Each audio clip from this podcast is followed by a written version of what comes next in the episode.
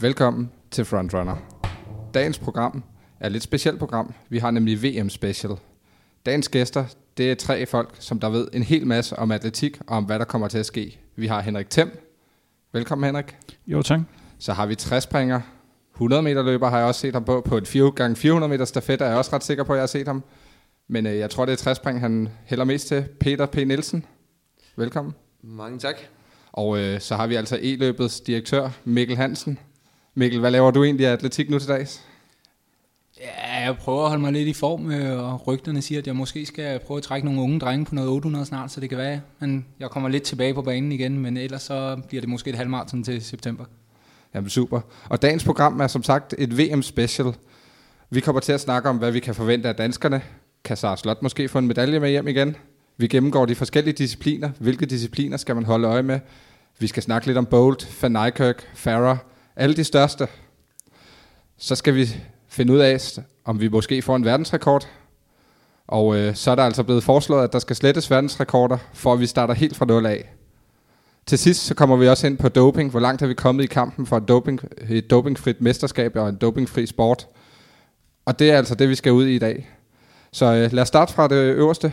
Hvad kan vi forvente af danskerne? Øh, Peter, du, øh, du er jo tidligere fra samme klub som øh, Sara Slot Petersen. Lad os starte med hende. Ja, altså, øh, man kan jo sige, at øh, hendes øh, optakt har været sådan lidt øh, tumultarisk. Den har ikke været så, så perfekt og poleret, som den var øh, sidste år op til OL. Men øh, hvad jeg lige har kunne øh, høre sådan på, på vandrørene, så, så, så er formen i hvert fald, hvor den skal være. Øhm, det, så er sådan mest øh, nervøs for, det er, om hun kan få, få rytmen til at passe. Det er også det, hun har haft lidt problemer med. Til de sidste øh, to Diamond League-stævner, så, så man kan sige, formen er på plads, så er det det tekniske, der ligesom skal, der skal spille. Om, om det så kommer til at spille til VM, det kan vi jo kun, øh, kun håbe. Hvad er det, der kommer til at afgøre, om det tekniske spiller i konkurrencen?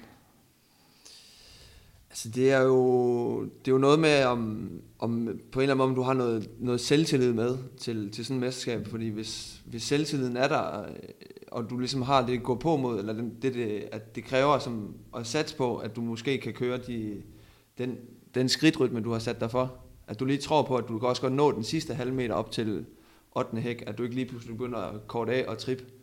Og så, hvis du gør det, så mister du så meget fart, og når du gør det efter 300-350 meter, så er der jo mælkesyre op over ørerne, og så får du også ikke sat, øh, sat fart på igen.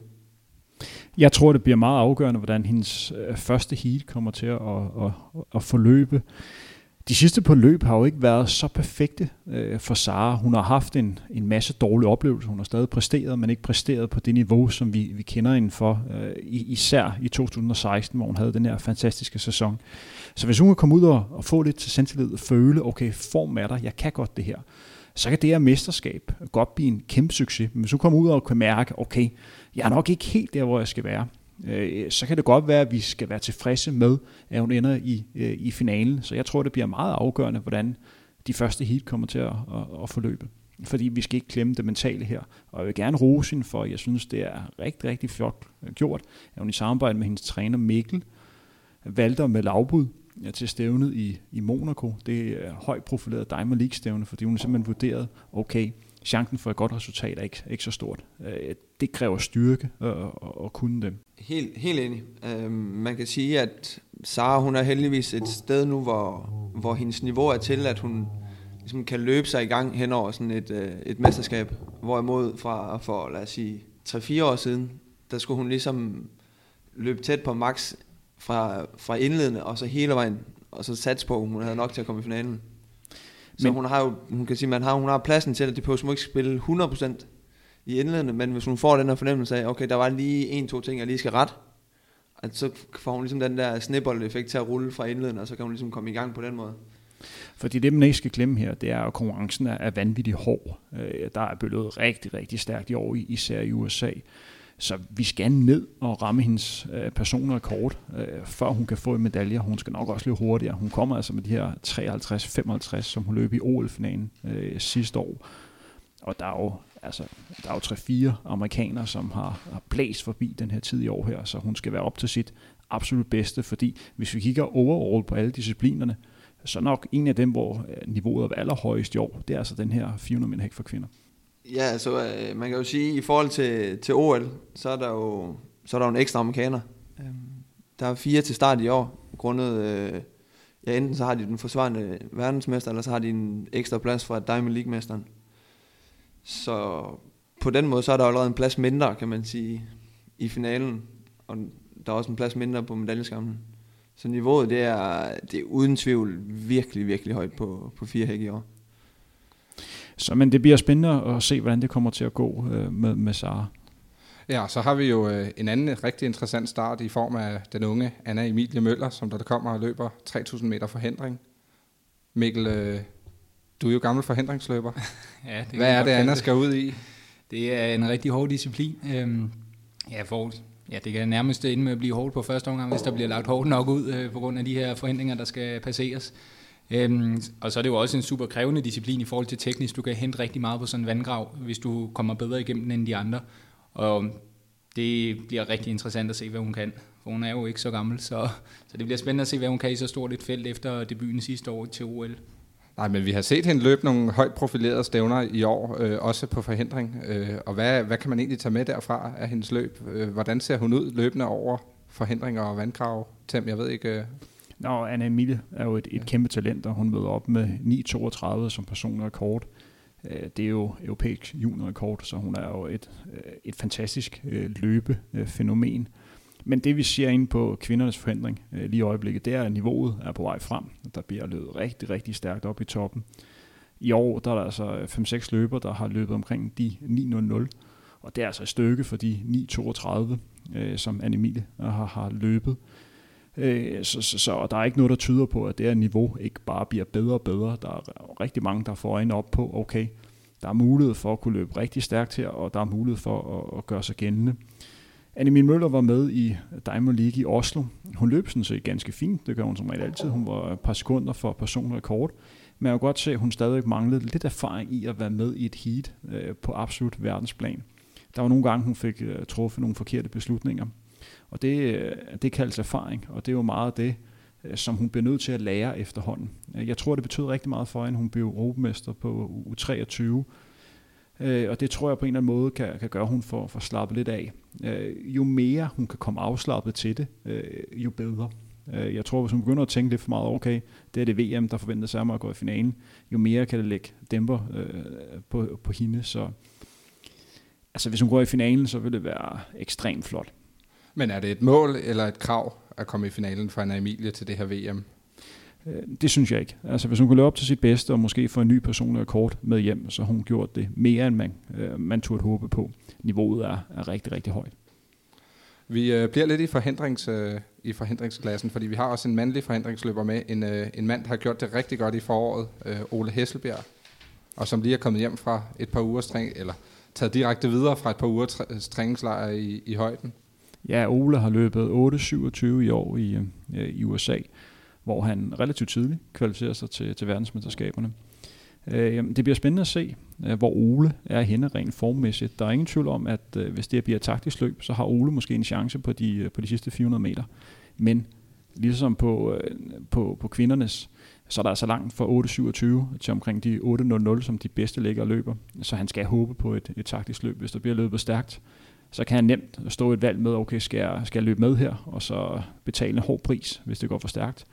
Eller øh, skal jeg håbe på, at der er nogen, der går kold, og på den måde løbe et, et mere taktisk øh, korrekt løb. Hvis han kan sætte en ny personlig rekord, så vil det være rigtig, rigtig flot af Ole. Det, jeg synes, der er lidt ærgerligt i hans tilfælde, det var, at da han kvalificerede sig sit første løb, man ikke valgte at sige, okay, det er sgu flot, det løb 8.27. Måske kan jeg løbe endnu stærkere ved at løbe nogle heat, øh, nogle løb, der ligger lige efterfølgende. Der valgte han at drosle lidt ned for at bygge op mod VM. Øh, jeg synes, han skulle have gået efter at sætte dansk rekord, øh, som er de her 8.22, 8.23. Jeg tror, han var i form til det.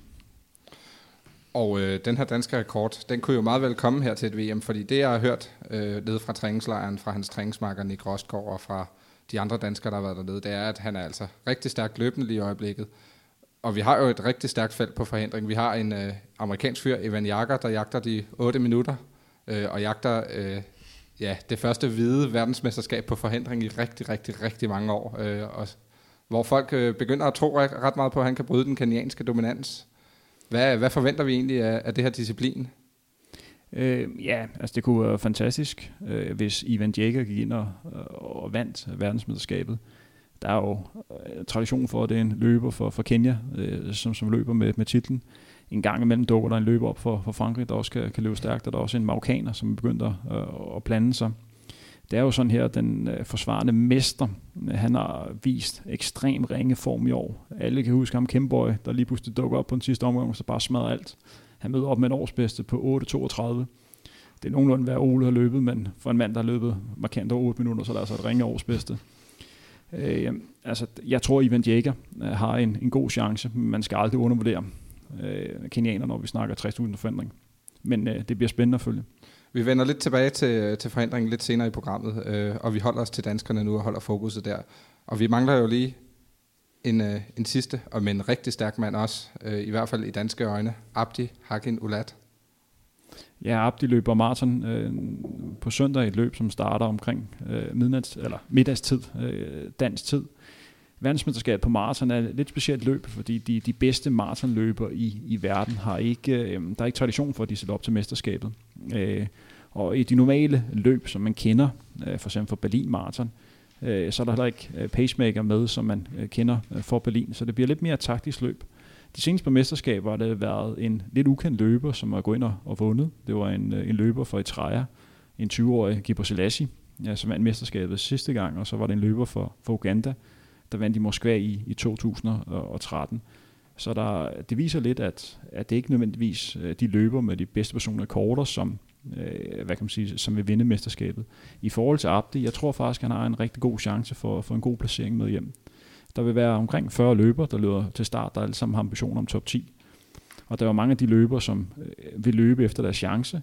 Og hvis det ikke rigtig lykkes, så vil de jo øh, gradvist begynde langsommere og måske også udgå.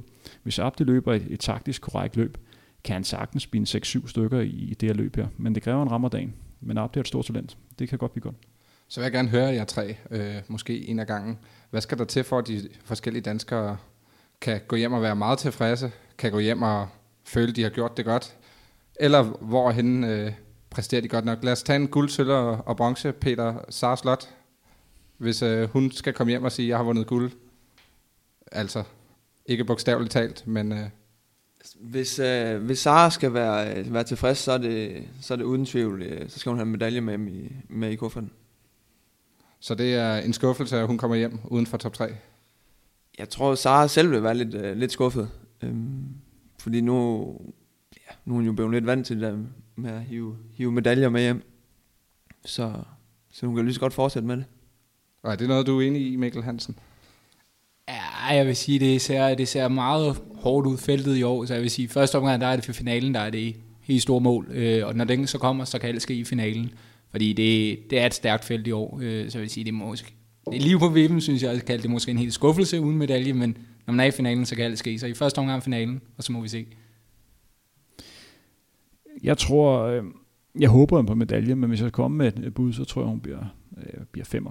Øh, Hvilken jeg også synes vil være, vil være rigtig flot. Jeg tror, det vigtigste for, for Sara her, Øh, det er, at der vil være en del fokus på hende, rent mediemæssigt, og det gælder for hende om at, at, at snakke det ned, og være med at have fokus på den her medalje, og i første og fremmest gælder om at, at komme i finalen. Alt kan ske, som om i finalen. Øh, men jeg tror, hendes fokus, det gælder om at holde forventningerne lidt ned. Ja, det handler jo, handler jo helt klart om at bruge øh, den sådan lidt besværlige optakt, hun har haft til noget positivt, netop med at få snakket forventningerne ned, og så ligesom løbe sig i gang. Fordi hun kan uden tvivl godt forklare folk, at det har ikke været perfekt optakt, så vi kan jo ikke forvente det helt store. Øhm, så det, få det snakket ned, og så komme godt i gang, og så bygge på derfra. Og så skal vi også huske, at det med, at vi har en, en dansker med på absolut topplan, i så mange år i træk. Det er altså ikke nogen, noget, som der sker særligt tit. Så det er en, en kæmpe bedrift. Hun er og konkurrerer altså med nogle rigtig, rigtig skarpe atleter. Øh, så det er flot. Så. Hvad med Anna Emilie, for at hun skal komme hjem og være lyblende lykkelig? Hvad er så hendes succeskriterie? Hvis hun vil sætte ny personlig kort, øh, så har hun gjort det rigtig godt.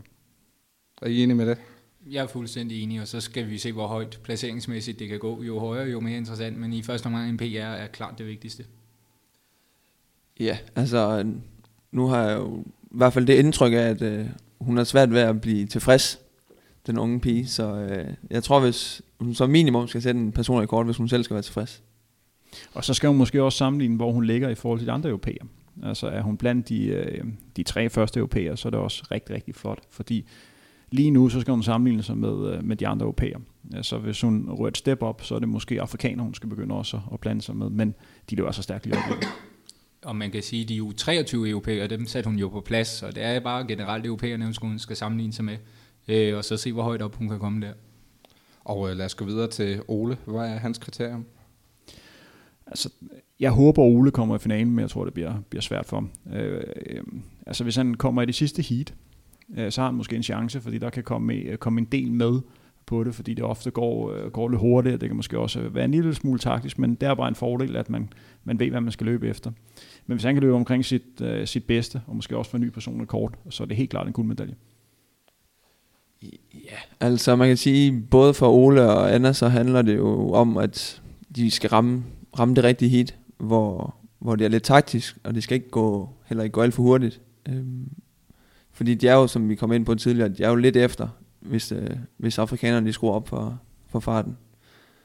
Så man kan godt forestille sig, at Ole godt kan, kan hive en personrekord hjem, selvom det er et, et lidt taktisk løb for, for de allerbedste.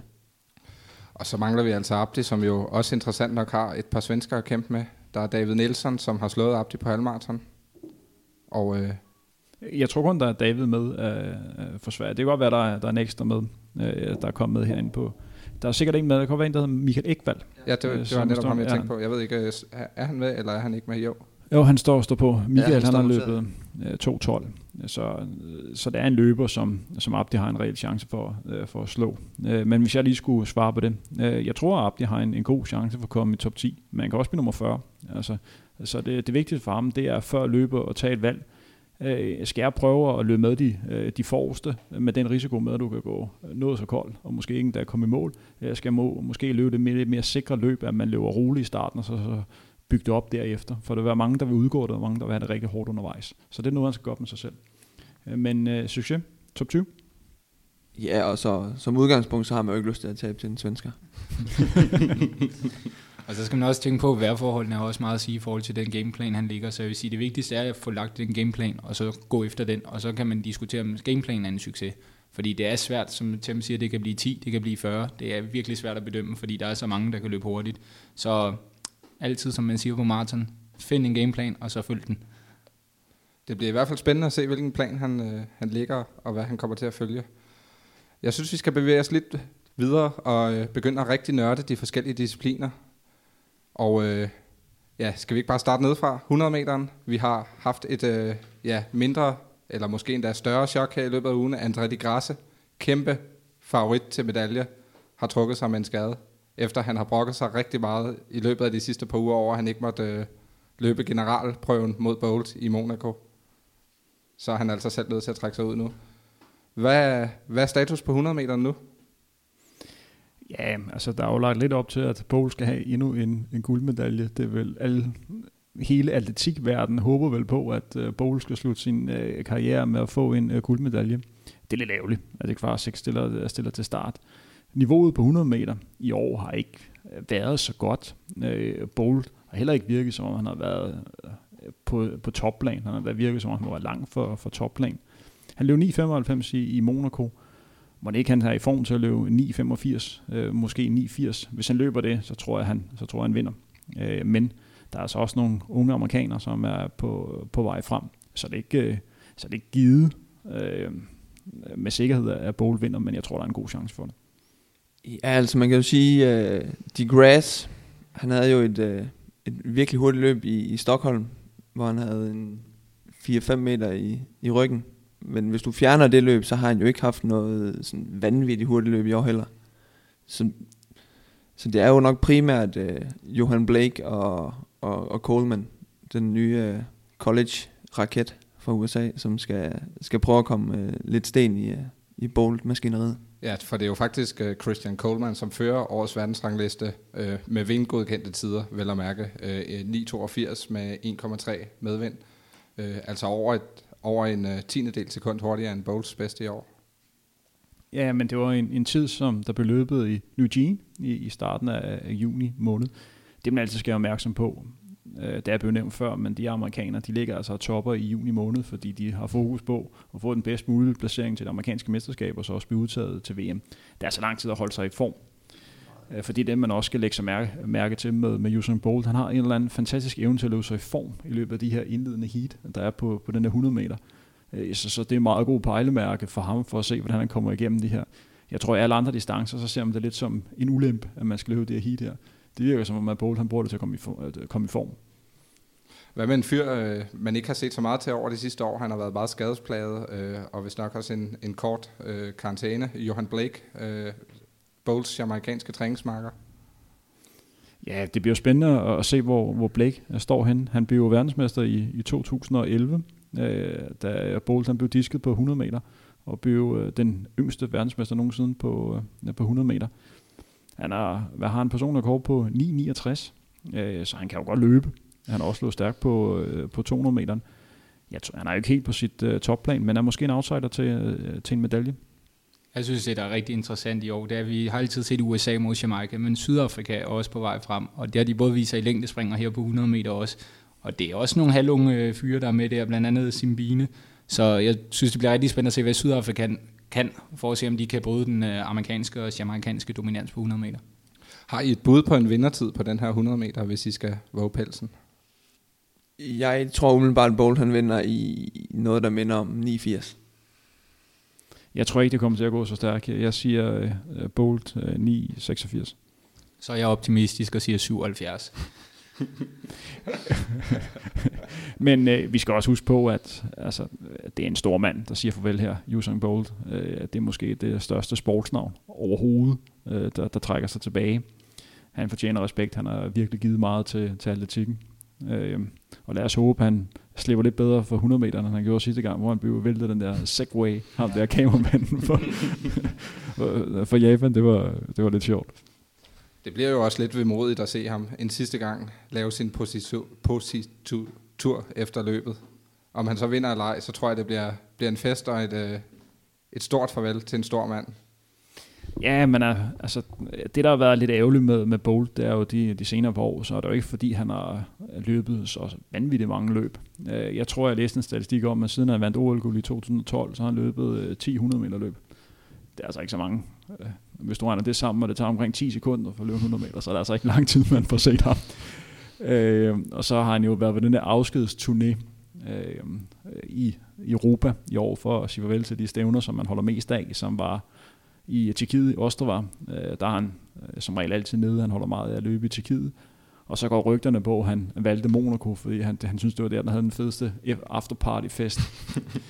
Øh, så, så han, er bare, han er bare en showman. Det bliver også spændende at se, hvad han skal efterfølgende, om han får et eller andet job inden for atletikken, eller om han forfølger sin, øh, sin drømme om, om fodbold.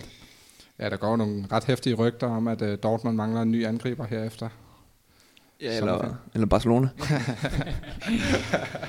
det vil være lidt af en overraskelse, hvis Barcelona bruger lidt af deres penge efter Neymar og købe Usain Bolt. Det bliver i hvert fald spændende. Lad os prøve at kigge på kvindernes uh, 100 meter i stedet for, hvor vi har en Elaine Thompson, der... Uh, jamaikanske Ellen Thompson, der topper årets verdensrangliste med 10.71. Yes. Og som i øvrigt løb en, øh, ja, var det ikke hende, der løb en, en 100 øh, meter under 11 sekunder i, i var det gaverpiksko eller flade sko? Det, det er lidt, øh, lidt Jeg tror, det var det Diamond League der var i, i London, der var, sådan, var generalprøven for det her VM her. Øh, der stod hun op i nogle piksko, som mindede ufattelig meget om piksko, som jeg også engang har løbet med på banen. Og der løb jeg altså 10.000 meter i den. så, så øh, øh, jeg kan sgu ikke løbe under 11 sekunder på en 100 meter. Det. Bliver hun verdensmester på 100 meter for kvinder? Umiddelbart, så, så virker det ikke til, at der er nogen, der kan tro hende sådan helt vildt. Øhm, man kan sige, sidste år, der havde hun jo nogle, øh, nogle drablige øh, dueller med, med den hollandske superstjerne, øh, Schribers. Øhm, men hun har ikke set så, så skarp ud i år. Om det er fordi, at øh, hun har timet øh, formen perfekt her til VM, det, det får vi jo se. Øhm, men hun er nok den eneste, der er, sådan egentlig kan udfordre, udfordre Elaine Thompson. Ja, det vil være at bemærke, at uh, Shivers uh, årsbedste altså stammer helt tilbage fra 14. april.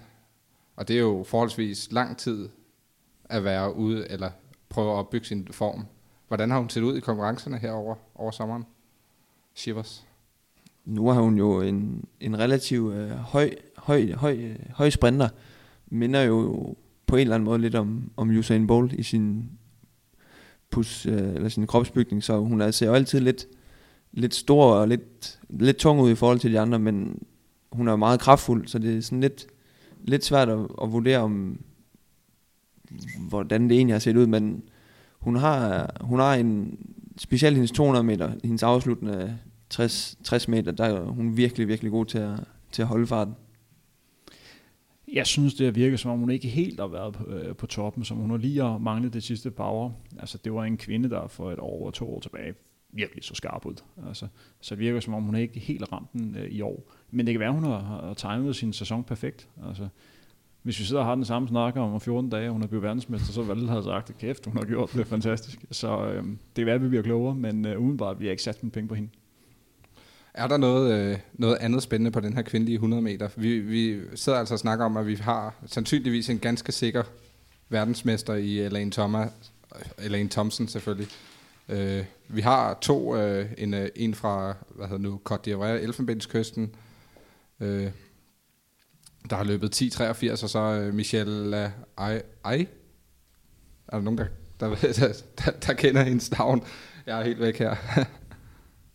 Nå, men altså en ting, man sådan skal, altså, skal bide mærke i her, det er jo, at altså, de, de senere par år har du set en, en stor dominans øh, for Jamaica øh, på det. Og hvis vi går nogle mesterskab tilbage, så rydder det stort set bordet. Altså, øh, altså, øh, de er favoritter her, med en øh, Thompson, øh, og de har også Vågner Camp Brown, som også øh, løber stærkt. Men altså, de mangler stadigvæk nogle nye talenter sådan på, øh, hvad kan man sige, på vej frem. Deres dominans er ikke så stor mere, så, så, som den har været. Og der er begyndt at komme, øh, komme flere og flere lande med. Afrika er begyndt at få flere og flere sprinter, som, som løber rigtig stærkt. Øh, så, så, så det bliver spændende at se. Men øh, det kunne jo være fedt at se en, se en europæer, der bliver verdensmester. Ja, altså man kan sige, med, med europæiske øjne, så kan man jo godt holde lidt øje med de, med de unge tyske, tyske piger. Øhm, der tænker jeg primært på, hvordan, hvordan deres form er i forhold til deres 4x100 meter senere. De var jo, de vandt noget overraskende lidt uh, World Relays på, på 4x100 meter i april-maj måned. Um, så hvis de, de er i form, de unge piger, og de har øvet lidt skifter, så kunne der godt ligge en, en lille overraskelse der måske. Spændende. Vi øh, går op på et disciplin, som øh, jeg personligt tror bliver rigtig, rigtig sjovt at se. Det er 200 meteren for herre, hvor vi altså har en, øh, en sydafrikansk fyr, der godt nok ikke har løbet hurtigst i år i verden, men øh, som der altså har leveret verdens hurtigste 300 meter i år.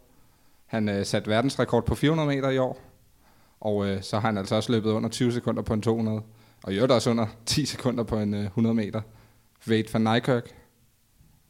Ja, men først og fremmest, øh, altså van Nijkerk er jo en fantastisk løber, og nok ham, som skal overtage, øh, hvad kan man sige, tronen efter Bolt. Det er den, den næste superstar. Men hvor er det ærgerligt, at Bolt ikke stiller op på den her 200 meter distance. Hvor ville det være fedt at se opgøret mellem Bolt og, og, og Van Nijkerk de to største stjerner lige i øjeblikket, der mødes på, på 200 meter distancen. Hvorfor Bolt ikke stiller op? Vi, vi sad og snakkede om det lidt inden vi, vi gik på her. Altså, altså, ja, det er nemmest selvfølgelig at tolke som, at Bolt er en lille smule bange for øh, Fanny Kirk. Men altså, man ved ikke. Bolt meldte jo faktisk ud allerede tilbage i 2015, at han her i 2017 kun vil løbe 100 meter. Så det er ikke noget, han har, han har sagt de sidste halve år. Men Bowles sagde også, at øh, han ville spille fodbold for Manchester United i 2014. så han er jo en mand, der, altså, der godt kan sige noget, bare for at sige noget. Altså, øh, så, så, men det bliver spændende at se. Fanny Kirk, men han bliver også presset. Altså, der er jo andre løbere, som, som løber stærkt også på 200 meter. Ja, hvem har vi ellers med på, på 200 meter, Peter? Jamen, vi har jo hans øh, 400 meter kammerat, øh, Isak øh, Makwala, som jo har den, den hurtigste tid i år på 200. Øhm, og det, der lige knytter sig til den, til den lille 200 meter tid, det er, at han øh, en time senere går hen og løber øh, 43-62 på 400 meter. Så, øh, så det må jo sige at være en mand, der, der umiddelbart er i fornuftig form. Og hvis man sidder her og overhovedet ikke har nogen idé om, hvad der er godt på en 400 meter og på en 200 meter, hvor vildt er det så at kunne løbe de to tider på en time? Altså man, øh, ja, Nikak, han var den første, der løb under 20 og, og under 44, da han gjorde det sidste år. Øhm, at så øh, Mark han gør det på under en time, det må også være en eller anden form for verdenskort. Ah, Jamen, det er, øh, det er vildt. Altså, det svarer nærmest til at vinde Europa League og Champions League på samme dag. Altså, øh, det, er, det er imponerende. Det er flot. Men øh, altså, vi har også nogle amerikanere, som løber stærkt, og vi har også Johan Blake, øh, som også stiller sig start på, på 200 meter. Øh, så, så, så det, er et, det er et spændende opgør. Men øh, vi mangler Bolt. Og hvis I skal komme med et skud fra tasten, hvem bliver verdensmester på, på mændens 200 meter? Det gør Fanny Køng. Det er jo det let svar, men jeg må, jo, jeg må blive enig, fordi jeg tror, jeg tror han tager både 200 og 400. Den er sgu lidt svær. Øhm, nu er jeg ikke 100 inde i programmet, men øh, man kan sige, både Nikærk og Makvala skal jo løbe 400 meter på et eller andet tidspunkt. Så en Simbine, eller måske en Blake.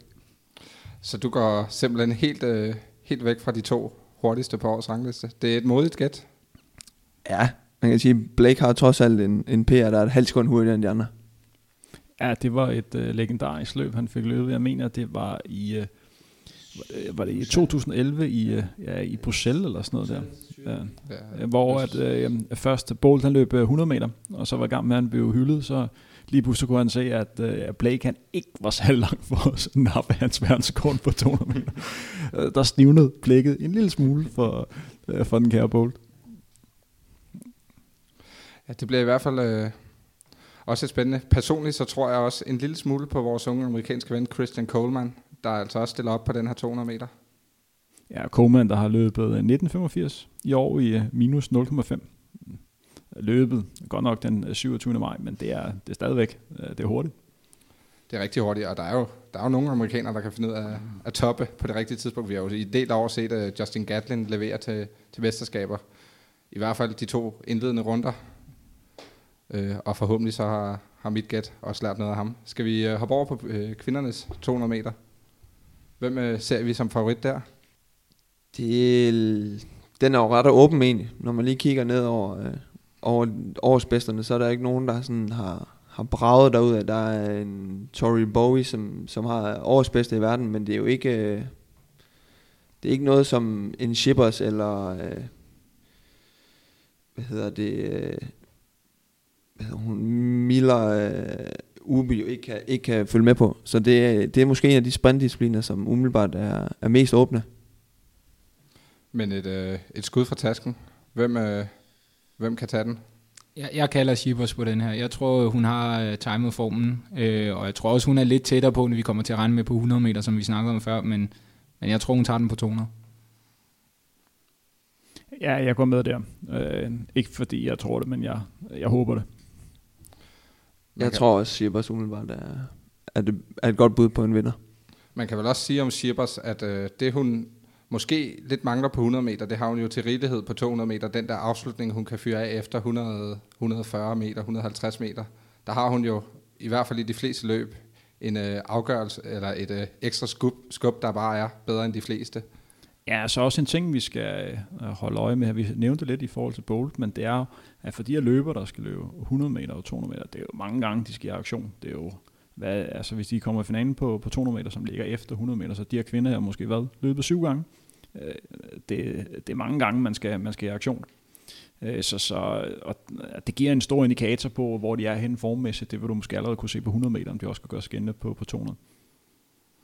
Ja, og netop Schippers, hun har jo også 4 gange 100 meter med sit øh, hollandske landshold. Hun vil også have i, på et eller andet sted i baghovedet.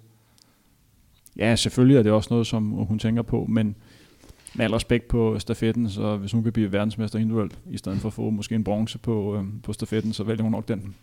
Så øh, er vi altså nået til, hvis øh, 200 meteren var et spændende løb, så er der altså også 400 meter, som er rigtig spændende. Jeg tror, jeg kommer til at sige det mange gange, at øh, det her det er det mest spændende disciplin, fordi det er jo generelt et, øh, i mine øjne, rigtig spændende VM i år.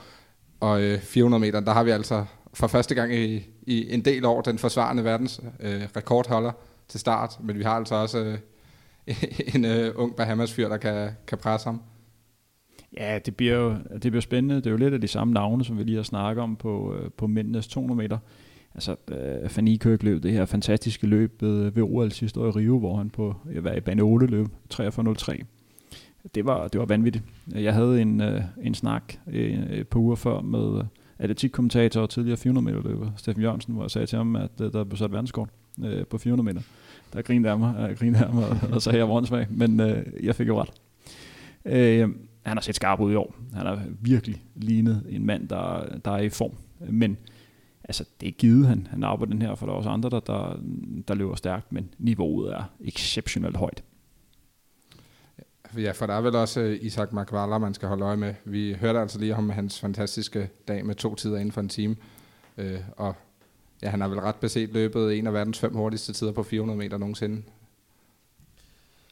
Ja, altså 400 meter, den er jo nærmest øh, proppet med, med talent. Øhm, det så man jo også sidste år i Rio, hvor de var det de fire første, der løb under 44. Mm. Øhm, så det er, et, det er nok den løbedisciplin lige pt, hvor, hvor niveauet er højst. Øhm, at der så har snedet sig øh, to drenge, som er født i 95 og 97, ind i top 4, det er jo, det må sige at være et tegn på nogle yderst spændende talenter. Ja, og så øh, hvis man kigger lidt, øh, lidt nærmere vores grænser, vi har jo desværre ikke fået Benjamin Lobo Vedel klar til dette VM, men en, øh, en fyr, som jeg ser rigtig meget op til øh, fra Tjekkiet, Pavel Maslak, har han overhovedet en, en chance for at komme i den her finale? Han har måske en chance for at komme med som, med, som den yderste overhovedet, men Maslak er, kandidat, eller er virkelig skarp, når vi snakker indendørs 400 meter. Der er han en af de bedste i verden, hvis han ikke er den bedste. Men udendørs, der har han gang på gang fået tæsk. Altså Marslak, han er jo måske den eneste person i hele verden, der nærmest skal løbe hurtigere indendørs, end han kan udendørs. Øhm, jeg ved ikke, hvordan han får, får bukket sine ben rundt i den der yderst smalle kurve indendørs, men han... Havde, havde vi ikke på et tidspunkt en dansker, Jakob Ries? Løber han ikke også stærkere indendørs, end han gjorde udendørs?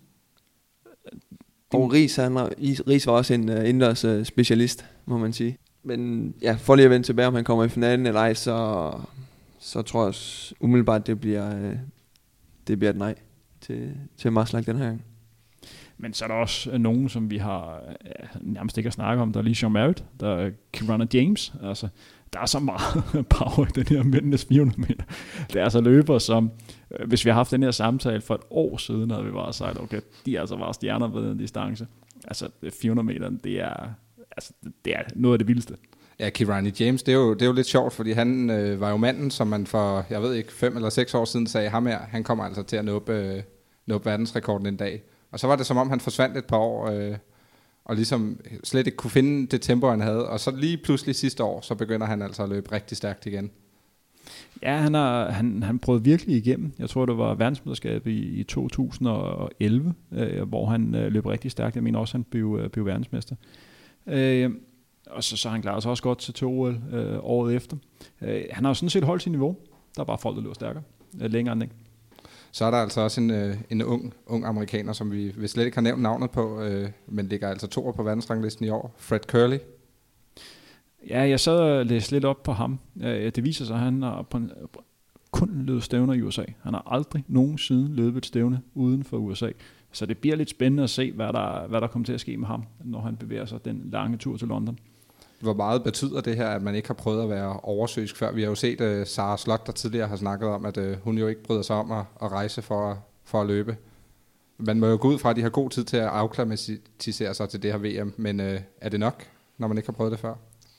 Altså, der kan jo, der er jo ret langt, kan man sige, fra, fra østkysten i USA til, til London, og sådan klimamæssigt er der også en stor forskel på at rende rundt nede i, uh, nede i Los Angeles og San Diego og træne, og så skulle komme til London, hvor det kan være 16-17 grader på en god dag. Ja. Øhm, og det der med Curly, det er, han er også en af de her college-drenge, som altså har, de starter deres indendørssæson i september, og så kører de nærmest direkte ud i udendørssæson, og så har de uh, NCAA-mesterskaber lige i starten af maj. Så om, hvordan han vedligeholder sin form, eller om det overhovedet kan lade sig gøre, det, det må sige sig være et, et relativt stort spørgsmålstegn. Ja, men jeg er enig, og at nogle gange er der måske også nogle andre forklaringer. Det kan jo være, at han har et issue med at rejse så langt. Det kan være, at han ikke bryder sig om det. Det hører man ofte ikke om blandt atleterne. Det kan jo være, at at ja, der er, der er en udfordring for ham, men mest sandsynligt er det jo bare en, en løber, som, hvad kan man sige, er bare en naturtalent, der er bare blevet, øh, der er bare blevet, blevet øh, god, fordi han var et kæmpe talent. Men altså, det kan jo gå begge veje. Han kan jo præstere, og så kan han ryge ud i første runde. Øh, men hvor det er ærgerligt, vi ikke har Benjamin øh, ved øh, Lobovel med det her stævne her. Altså han har jo niveauet til det. Ja, altså øh, Benjamin er jo så, kan man sige, rejst modsat af, af Fred Curley. Han er jo på vej til, til college i, i Miami nu her, om en uges tid. Så der er forhåbentlig også nogle, nogle hurtige tider på vej fra, endnu hurtigere tider på vej fra Benjamin. Ja, for han har jo faktisk løbet rigtig hurtigt i, i år. Nu kan jeg ikke huske præcis, hvor tæt det var på VM-kravet, men jeg var, ved da i hvert fald, de følte sig ret sikre på, at han nok skulle klare det op i Aalborg. Nå, men han havde jo en fantastisk indendørs-sæson. Han løb jo øh, super godt til, øh, hvad kan man sige, til indendørs EM, hvor han overraskende øh, kom i finalen og også virkelig præsterede der. Altså den generation, der kommer, kommer frem nu, det er leder, der virkelig tror på sig selv. Når de går ind til mesterskab, så er det ikke nok bare at være med. Altså de er inden, fordi de tror, de er de bedste. Øh, det tror jeg er noget sådan rent samfundsmæssigt, vi har sådan lidt ændret op, opfattelse. Øh, altså, og sådan er det bare, øh, de folk, der dukker op nu. Altså hvor, hvor hurtigt han kan blive, Øh, det er et godt spørgsmål, men øh, dansk rekord, det er meget sandsynligt. Ja, altså, øh, jeg er ret sikker på, at VM-kravet i år var lige med den danske rekord på 45,5. Så, og det bliver jo nok, det plejer jo nogenlunde at være det samme krav, der går igen. Så, så han ved jo, hvad han skal løbe.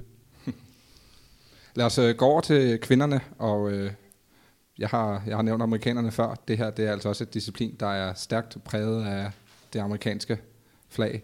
Vi har fem amerikanere til start. Øh, af de fem, så de fire ligger i top 5 på, på verdensranglisten i år, og den femte ligger nummer 8. Ja, det bliver jo et, øh, et spændende øh, et løb, og også for kvinder. Altså, det er jo ja, en af kongedistancerne. Øh, Alison Felix øh, bliver spændende at se, øh, hvad hun kan. Hun løb 49-65 øh, ved det opvarmningsstævne den 9. juli øh, på det stadion, øh, som de skal, skal løbe på. Ja, hun skal nok være hun skal nok være der. Hun er sgu skarp. Ja, man kan sige, at øh, Felix er jo er ret sikker på den atlet med flest VM-medaljer og OL-medaljer. Så det vil undre mig, hvis hun ikke hæver en til med hjem her. Og så bliver det bare det amerikanske mesterskab, vi skal se. Det, øh, det bliver USA mod USA, og jeg tror også, at Alison Felix hiver den hjem. Jeg tror, hun tager guldmedaljen i den her. Og lidt som vi snakker om på kvindernes 400 meter hæk, altså, øh, så der bliver altså løbet stærkt på 400 meter i USA i øjeblikket. Øh, lad os gå over til uh, hoppe lidt op i distancer, hvor, at, uh, hvor vi i hvert fald er tre, der måske ved en lille smule mere, end vi gør om sprintene. Vi går op på mellemdistancen og starter med, med mændenes 800 meter, hvor vi altså også øh, vi havde et afbud på 100 meter og 200 meter, men vi har altså også et øh, rigtig stort afbud her på 800 meteren. Øh, den forsvarende verdensrekordholder og verdensmester David Rudisha løber altså ikke i London. Ej, det er jo super ærgerligt. Altså, det er jo på samme stadion, hvor han satte sin øh, legendariske verdensrekord i forbindelse med OL i 2012. Jeg kan huske, da, øhm, da det løb øh, blev løbet, der befandt jeg mig i en bjerglandsby nede i Italien, uden, øh, uden fjernsyn noget som helst. Lige pludselig der fik jeg en sms for min nok mindst atletikinteresserede ven, øh, der skrev, kæft, løb på 800 meter. Der tænkte jeg, der må være sket noget fuldstændig vildt, så jeg, jeg styrte ind og, og fik se nettet og kunne bare se, okay, der er altså blevet øh, 1, øh, 1,40, 91, øh, og det vi blev gjort for spids af, det var et, et vanvittigt løb, og det er jo ærgerligt, at uh, Rudisha ikke er med. Han var nok favoritten inden, men altså, der er også, altså, det er jo ikke givet på forhånd, han havde vundet det her løb her. Der er nogle andre, der, der begynder at løbe rigtig stærkt. Nej, fordi Rudisha er, så vidt jeg ved, ikke engang i top 10 i år. Jeg ved ikke, om han overhovedet har løbet øh, løbet konkurrencer i år, men øh, han er i hvert fald ikke øh, med i, i, i toppen.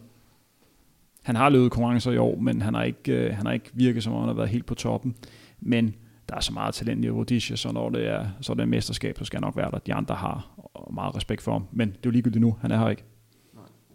Altså, øh, en lille øh, sjov krølle på, på hans løb i London. Det, der går jo en historie om, at hans øh, normale hare, hans øh, gode kammerat, træningskammerat, gik øh, Rudisha over til ham inden finalen og sagde, at øh, de til ham, at øh, han skulle lade være med at følge efter ham i dag, fordi så vil han dø.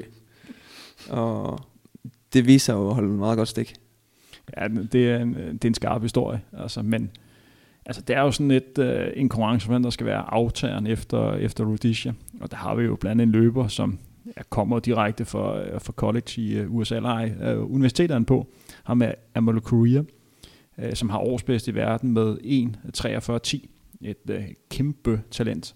Og så har vi også uh, altså, uh, en løber med en af de mest særprægede løbestile, der er inden for mellem langdistance, nemlig Michael Amos. Altså, hvordan han kan løbe så stærkt, og øh, benene de bare hammer fra side til side, og det hoved, det er, det er vanvittigt, hvis han får styr på det, så der er altså en løber, der har kapacitet til at løbe rigtig, rigtig stærkt. Ja, nej, de Amos, det er vel også en, øh, en rigtig sjov person, fordi han, øh, han var jo også med i det famøse løb i London, og øh, øh, blev toer i 1.41.73, en fuldstændig vanvittig tid. Han er fra, er det 1994, øh, så i, i 2012, ja, jeg kan ikke engang regne mig til, hvor, hvor ung han er, men det er jo fuldstændig vanvittigt at løbe i den tid efter det løb, så ser man ham jo ikke løbe under en, ja, jeg, ved, jeg tror ikke, han løb under 1,44 i fem sæsoner i træk. Jamen, jeg har været i, i Sydafrika efterfølgende, hvor han, altså, hvor han, hvor han trænede, hvor han var bare en mand, der ikke var i form. Altså, han kunne dog nok løbe en, en 1000 meter på, på 3.0. Det var, det var hårdt for ham. Og ved VM året efter, øh, følte han lidt på de sociale medier, der sådan tre timer før han skulle løbe, der lagde han den billede op, hvor han spiste en is. Altså, Øh, så, så han har bare haft andre interesser. Men han har råd til USA og blev del af det her Oregon, Oregon Project, øh, en del af Salazar-gruppen. Og der er også kommet lidt mere muskler på ham, at de arbejder med hans øh, løbestil. Øh, den her dreng her, han er et talent. Så det kan godt blive, øh, blive rigtig godt. Han har, han har virkelig vist styrke på de, de sidste 100 meter i år. Og øh, han er jo også øh, er, er jo altså vendt tilbage til verdenstoppen igen. Han ligger to på årets verdensrangliste med 1.43.18, 8 del efter øh, Korea, som vi har snakket om. En øh, fyr, jeg også gerne vil kaste op, som ikke er med i år, øh, som ellers øh, to år i træk nu har været nævnt som amerikanernes store aftager øh, til, til dem, der efterhånden er ved at stoppe de ældre. Det er altså en fyr, der hedder Donovan Brazier, der for alvor bragede igennem på den amerikanske college-scene sidste år med 1.43 og uha, hvad der var det, 1.43.4 mener jeg, han løb øh, til de amerikanske college-mesterskaber helt alene. Nå, men han er jo en, øh, altså et kæmpe talent og, og bliver en løber, der bliver, der bliver spændende at følge. Øh, det er der ingen tvivl om. Altså, han er, øh, han er også en, en løber, der kan kapacitet til at komme i nærheden af de tider, som, øh, hvad kan man sige, Rudisha har løbet. Øh, så, så, så, så der er potentiale i ham. Rent men, løbestilsmæssigt, der er han altså meget godt skolet. Ja, men hvordan kan det være, at firen på årets verdensrangliste ikke er med i London? Øh, det er simpelthen for, øh, altså de amerikanske udtalelsesmesterskaber, der, der kræver det, at man øh, kommer i top 3 øh, og det lykkes ikke for ham, øh, og så er det færdigt. Og der er det ligegyldigt, om du har løbet en halv time hurtigere end de andre. Altså, sådan er reglerne i USA. Det er hårdt og brutalt. Øh, jeg vil sgu ønske, vi havde det, det samme i Danmark, men det har vi nok ikke helt niveauet for. Øh, og jeg tror nok heller aldrig, vi, øh, vi får det. Men det handler om at præstere, og det er også det, det gør ved, ved, det her mester, eller ved de her mesterskaber. Det, der også er spillet på 800 meter, det er, at de indledende heat, øh, de bliver taktiske, og ofte ser man altså gode løberøve ud, fordi de placerer sig øh, forkert i felterne. Ofte er der også øh, ofte skubben, så mange ting kan ske, og det er også det, og derfor sådan en som Andreas Bube. Når han først kvalificerer sig til mesterskaberne, så klarer han sig ofte godt, fordi han er ekstremt god taktisk løber, og mange undervurderer hans, hans slutspurt. Selvom han i princippet næsten altid kvalificerer sig i absolut sidste øjeblik. Øh, og det er simpelthen fordi, for at kvalificere dig, så skal du tilpas hurtigt. Det er ikke altid sådan, det går i, i mesterskaberne. Øh, Ja, så det er også ærgerligt, at han ikke er. Han burde være med. Hvem tror I vinder VM på 800 meter distancen? Jeg synes, det er en rigtig svær en at kalde, fordi som vi har snakket om, så er der mange, ah, det kan blive godt, det kan blive godt. Hvis vi kigger på de fire første, så er det overgang 95, 94, 97 og 98. Så der er altså nogle unge drenge, vi har med at gøre her, og det, i første omgang skal de jo i finalen, og som Tim siger, det kan blive taktisk. Øhm, så jeg har også lidt afsat ikke til at vinde, men til nogle af polakkerne, som plejer at være gode til mesterskaberne. Så når først finalen er, så er det jo ligesom øh, vi snakker om tidligere, så kan det ske. Men må ikke, jeg tror faktisk, det bliver Amos, der tager den. Jeg synes ikke, at, øh, at polakkerne har været sådan helt så skarpe i år. Øh, så, så, så jeg tror, øh, det er Amos, men altså Korea, hvis han løber op til sit bedste, så vinder han. Ja, altså øh, Korea, Amos, eller måske en, øh, en Pierre Boss, han har jo startet sin sæson øh, relativt sent. Havde sit første løb nu her i slutningen af juni, start af juli og lagde for land med en 1.44 tid. Så. Hvad med en fyr som, øh, nu nævnte Mikkel øh, polakkerne, hvad med en fyr som Adam Kishot, som der jo traditionelt gør det godt til mesterskaber, og også blev indendørs europamester. Måske ikke øh, lige så stærkt udfordret, som han bliver her til VM, men stadigvæk er skarp. Jeg er faktisk ikke 100% sikker på, at han har klaret kravet, for han har ikke løbet så stærkt i år, Adam Kishot. Både, altså både Lewandowski og Kishot, de er, de er med, øhm, men ja. det kræver nok umiddelbart, at det bliver en, øh, en meget taktisk finale. Mm. Altså, hvis den første omgang går øh, langsommere end, øh, end 53, så har han en god chance for at få medalje. Hvis det går hurtigere end det, øh, så bliver det svært for Kassion. Okay, og således opløftet. Lad os uh, snakke om uh, en, uh, et disciplin, hvor der er tre navne, der, der stikker ud. Kvindernes 800 meter. Ja, kvindernes 800 meter, det er, hvis vi snakker om, at der er konkurrence, der hvor niveauet er højst, så er det meget godt bud kvindernes 800 meter. Der har lige været en 800 meter løb i, i Monaco, hvor der blev løbet vanvittigt stærkt. Altså, vi har Kasta Semenya, løberen for, øh, for Sydafrika. Vi har Nian Sabo, og så har vi uh, Wilson for, øh, for USA. De løb alle tre. Øh, eller de løb de er 1,55 og 1, nej, alle tre løb 1,55. Vanvittigt højt niveau. Ja, altså man kan sige, at de fem første på, på verdensranglisten i år, de har jo, de har jo sat personer i kort i år. Så det er, det er damer, der er, der er i form, og damer, der løber virkelig, virkelig, virkelig stærkt. Og så også, altså, jeg har svært ved at se, hvordan de skal slå øh, Kaster, Kaster Semenya. Øh, hun har viser stærkt, øh, eller øh, stærkest lige meget, hvordan øh, løbende har øh, forløbet. Hun har lige løbet 51 på, på en 400 meter. Øh, så hun har også speeden. Hun stiller også op på 1500 meter. Det må man formode er, fordi hun har en, en tilpas god udholdenhed. Hun ser bare skarp ud, når der mangler 100 meter, lige meget hvordan de, de løber det her løb her.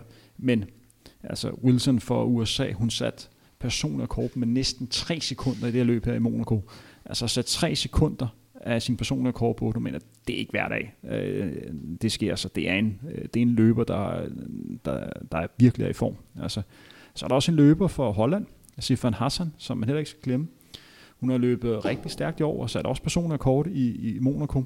Hun løb 1.56, øh, 81. Det er en løber, som ved det her mesterskab både stiller op i 800, 1500 og 5000. Og hun så kommer til start i alle de tre discipliner, det må vi vente og se. Hun er også blevet en del af det her Oregon Project i USA, og det har altså gjort, at hun virkelig har rykket sig. Tidligere havde hun ry for som en løber, som var stor talent, men måske var en lille smule useriøst. Nu er der kommet styr på det hvis det bliver et taktisk løb, så har hun måske en chance for at tro Semenya, men altså, det kræver nok, at hun også spænder ben for hende, hvis hun ikke skal vinde. Ja, fordi hun taber jo altså ikke ret meget, kaster Semenya. Og, og med ikke ret meget, mener jeg slet ikke. Jeg tror ikke, jeg har set et løb, hvor hun er kommet to år endnu. Nej, nej, så hun bliver verdensmester igen i år, eller hvad siger I? Alt kan ske på 800 meter, men øh, altså, hvis hun ikke styrter, så er der god chance for, at hun vinder. Men niveauet er højt. Jeg tror også umiddelbart, at de får, får svært ved at gøre noget ved, ved Semenya. Øhm, selv i en slåskamp vil hun nok komme øh, ud som, øh, som vinder. jeg vil meget, meget nøde møde Semenya i en slåskamp. Jeg, vil, jeg tror sgu ikke, jeg havde en stor chance. Det kan jeg forestille mig, at de næste herrer, vi skal snakke om, heller ikke har, fordi vi går op på et øh, disciplin, der hedder 1500 meter, hvor vi har set øh, Silas Kiplagat dominere i mange år, men øh, kan han gøre det i år? Er han overhovedet med i år, Henrik? Ja, altså mændenes øh, 1500 meter, altså øh, det er måske det, det mest åbne overhovedet. Altså der, der er 10 løber, der kan, øh, der kan vinde det her. Altså den forsvarende øh, olympisk mester, Sensovic, øh, han vandt øh, sidste år, primært fordi han var en, en suveræn taktisk løber. Øh, de joggede i de første 1100 meter, så løb de den sidste omgang på, øh, på 51, og han blev så øh, olympisk mester. Og så har vi også øh, Aspel Kiprop, Kiprop, som er et, et kæmpe talent. Øh, han ja, løber som gazelle. Han er løber, som enten kan smadre alt og alle og, og vinde en overlegen sejr, men også en løber, der kan blive sidst i finalen. Så har vi øh, tre kenyanske løber. Øh, Øh, Manangoy, Jarrett og, og, og Runa Grimoy, altså som er tre løbere, som møder op med de tre hurtigste tider i år. De har løbet 3.28, 3.29 og, og 3.30. Altså hvis det bliver et hurtigt løb, øh, så har de en rigtig god chance for måske at blive 1, 2 og 3. Øh, men hvis det bliver taktisk løb, så kan alt ske. Altså Philip Ingebrigtsen for, for Norge kan i princippet også få medalje. Altså han er, han er i spil, men alt kan ske på den her mændes 1500 meter. Øh, det er en af de mest åbne overhovedet. Og hvem tror I, øh, Mikkel, hvem tror du på øh, kan tage den her verdensmestertitel? Der er ingen tvivl om, øh, der vil jeg selvfølgelig hæppe lidt på vores nordmand. Jeg tror ikke, øh, han kan vinde den her. Aspil Kiprop har ikke set så skarp ud i år, men øh, jeg kunne godt forestille mig, at han godt kunne være lidt højere op, end han ligger på listen lige nu, når vi når VM, for jeg tror, han har timet formen. Så jeg tror det godt, det kunne blive øh, mellem Kiprop og, hvad hedder han, øh, øh, Mangui. Øh, jeg tror, det bliver en af de to, der skal du og så forhåbentlig med Ingebrigtsen på en tredje plads. Og så lige en ting, man lige kan nævne ham der, Runa Creamoy. Han er altså en, en løber, da de havde de her kenianske udtalelsesmesterskaber, det blev øh, løbet i Nairobi i 1800 meters højde. Der løb han altså 3.30. 3.30 i 1800 meters højde, det er brutalt. Og lad os snakke lidt om øh, kvindernes, hvor vi altså også har en, øh, et navn, vi har nævnt før, Sifas Hassan, som har løbet øh, de hvad er det, fire hurtigste 1500 meter tider i år hos, øh, hos kvinder. 3.56.14 som, øh, som hurtigste tid. Er der nogen, der kan presse hende? Altså kvindernes 1500 meter er også øh, rigtig, rigtig åben. Vi har også øh, kvinden, som har sat verdensrekord, øh, de Barber, øh, til start. Hun har altså en personrekord, der hedder 3.50. Øh, det, er, det er hurtigt. Øh, det er to år siden, hun løb den i, i, i Monaco. Altså, øh, vi har også øh, altså Kip fra Kenya. Jeg mener, hun blev olympisk mester øh, sidste år. Altså, så, så alt er i, øh, alt er i spil øh, på den distance. Vi har også en meget, meget interessant start øh, med Laura Moore øh, for, England, der måske også kan få en, øh, en medalje. Vi har også en ung tysker, øh, øh Klosterhalfen. Hun er altså født i øh, 1997. Hun er altså løbet 3.59. Vi snakker om Anne Emil Møller. Hende her, hun er øh, jævnaldrende. Det er nogle store talenter øh, på vej frem. Niveauet her er åben. Men øh, Semenya, hun løber også den distance. Øh, ja, alt kan ske. Men øh, hvis jeg skal pege på en, de barber. Og øh, er I enige med det? Jeg tror faktisk, at Kaster til Semenya tager det dobbelt på den her. Jeg tror også umiddelbart, jeg hælder til, til Semenya. Øhm, ellers så skal det være Hassan. Men så skal hun nok overveje at droppe det, den ene af hendes tre løb. Øh, jeg tvivler på, at hun har kræfterne nok til at løbe 8, 15 og 5.000, hvis hun skal vinde en af dem. Det er godt nok mange kilometer, hun får i alt på det der stadion, hvis hun skal være med i alle. Øh, for der var, hvad der? Tre indledende hit på, på 1.500 meter. Eller tre hit i alt, og det må det samme være på 800 meter, og så lige to på 5.000 meter. Øh, hun får se London stadion der. Og må ikke vi skal hæppe på en, øh, en hjemmebane medalje til Laura Myhre også. hun fik desværre afbrudt lidt af sin form med, var det en forstudet eller brækket fod op til desværre, fordi hun var godt kørende indendørs. Men øh, måske en bronze til hende også, så hun også er med på hjemmebane. Hun har i hvert fald hele sæsonen snakket om, at øh, VM på hjemmebane var det store mål. Og hun snakkede under cross-sæsonen om, at hun aldrig har følt sig bedre forberedt, og havde en stærk selvtillid og tro på, at hun kunne vinde det her VM. Øh, som sagt, eller som du sagde, så har hun jo været ude et stykke tid, og det bliver spændende at se, hvor godt hun er kommet tilbage. Vi øh, går lidt op i distance, øh, op på 5.000 meter for mænd, hvor at, øh, så vidt jeg kan se, så er det Mukhtar Ediris, der øh, har hurtigste tid, men øh, vi har vel en, en hjemmebane favorit, der, der et eller andet sted i hvert fald bør. Jeg vil sige, at britiske Mo 40, han er kæmpe favorit øh, på, på den her 5.000 meter. De andre løber er bange for ham. Altså han har et øh, exceptionelt højt niveau. Øh, vi snakker med løber, der vandt og verdensmesterskabet på 5.000 meter tilbage i 2011. Siden den dag har han vundet alle store internationale mesterskaber, han har stillet op i. Og vi er på hjemmebane. Jeg tror ikke helt, han er på sit uh, topniveau, uh, men jeg tror, det er nok uh, til at blive verdensmester endnu en gang. Og vi kan jo lige så godt tage den med det samme med Mo Farah. Det er jo hans sidste stævne af Tim, og du fortalte mig jo lige, der er jo en ret sjov historie med, med hans winning streak. Ja, men altså, øh, det er jo sådan set startet med, at han blev olympisk mester på, øh, på 10.000 meter. Den blev afviklet den 4. august øh, 2012. Øh, der vandt han olympisk guld øh, på den her, hvor han øh, løb 27, øh, ja, 30 tror jeg, var han, Galen Robb på, på toer. Efter den der har han ikke tabt et løb på, på 10.000, men han har tabt en enkelt løb på, på 5.000 meter, men på 10.000 meter ubesejret. I dag løber han sidste løb på 10.000 meter den 4. august på samme stadion 2017. Det er en sjov historie. Det er en lidt sjov historie, og... Øh men der er også, altså hvis vi skal nævne nogen, som kan, kan, kan tro ham, der er så nogle løber fra Etiopien, som er løbet stærkt i år. Vi har en løber, der hedder Baraka, øh, som er født i år 2000. Og han har løbet 12,55 i år. Det er jo vanvittigt. 17 år. Så har vi Idris, som du nævnte, også har løbet 12,55.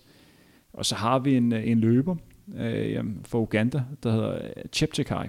Øh, for dem, der har fulgt med i verdensmesterskabet i cross, øh, så kan I huske, at der var en løber fra Uganda, som alle troede skulle få det første guld nogensinde øh, hjem til Uganda. Han førte med øh, 12 sekunder, da der manglede 800 meter, og så gik han stjernekold og kom ind til nummer 30 og sluttede to minutter efter vinderen. Jeg sjældent har set en løber gå så kold.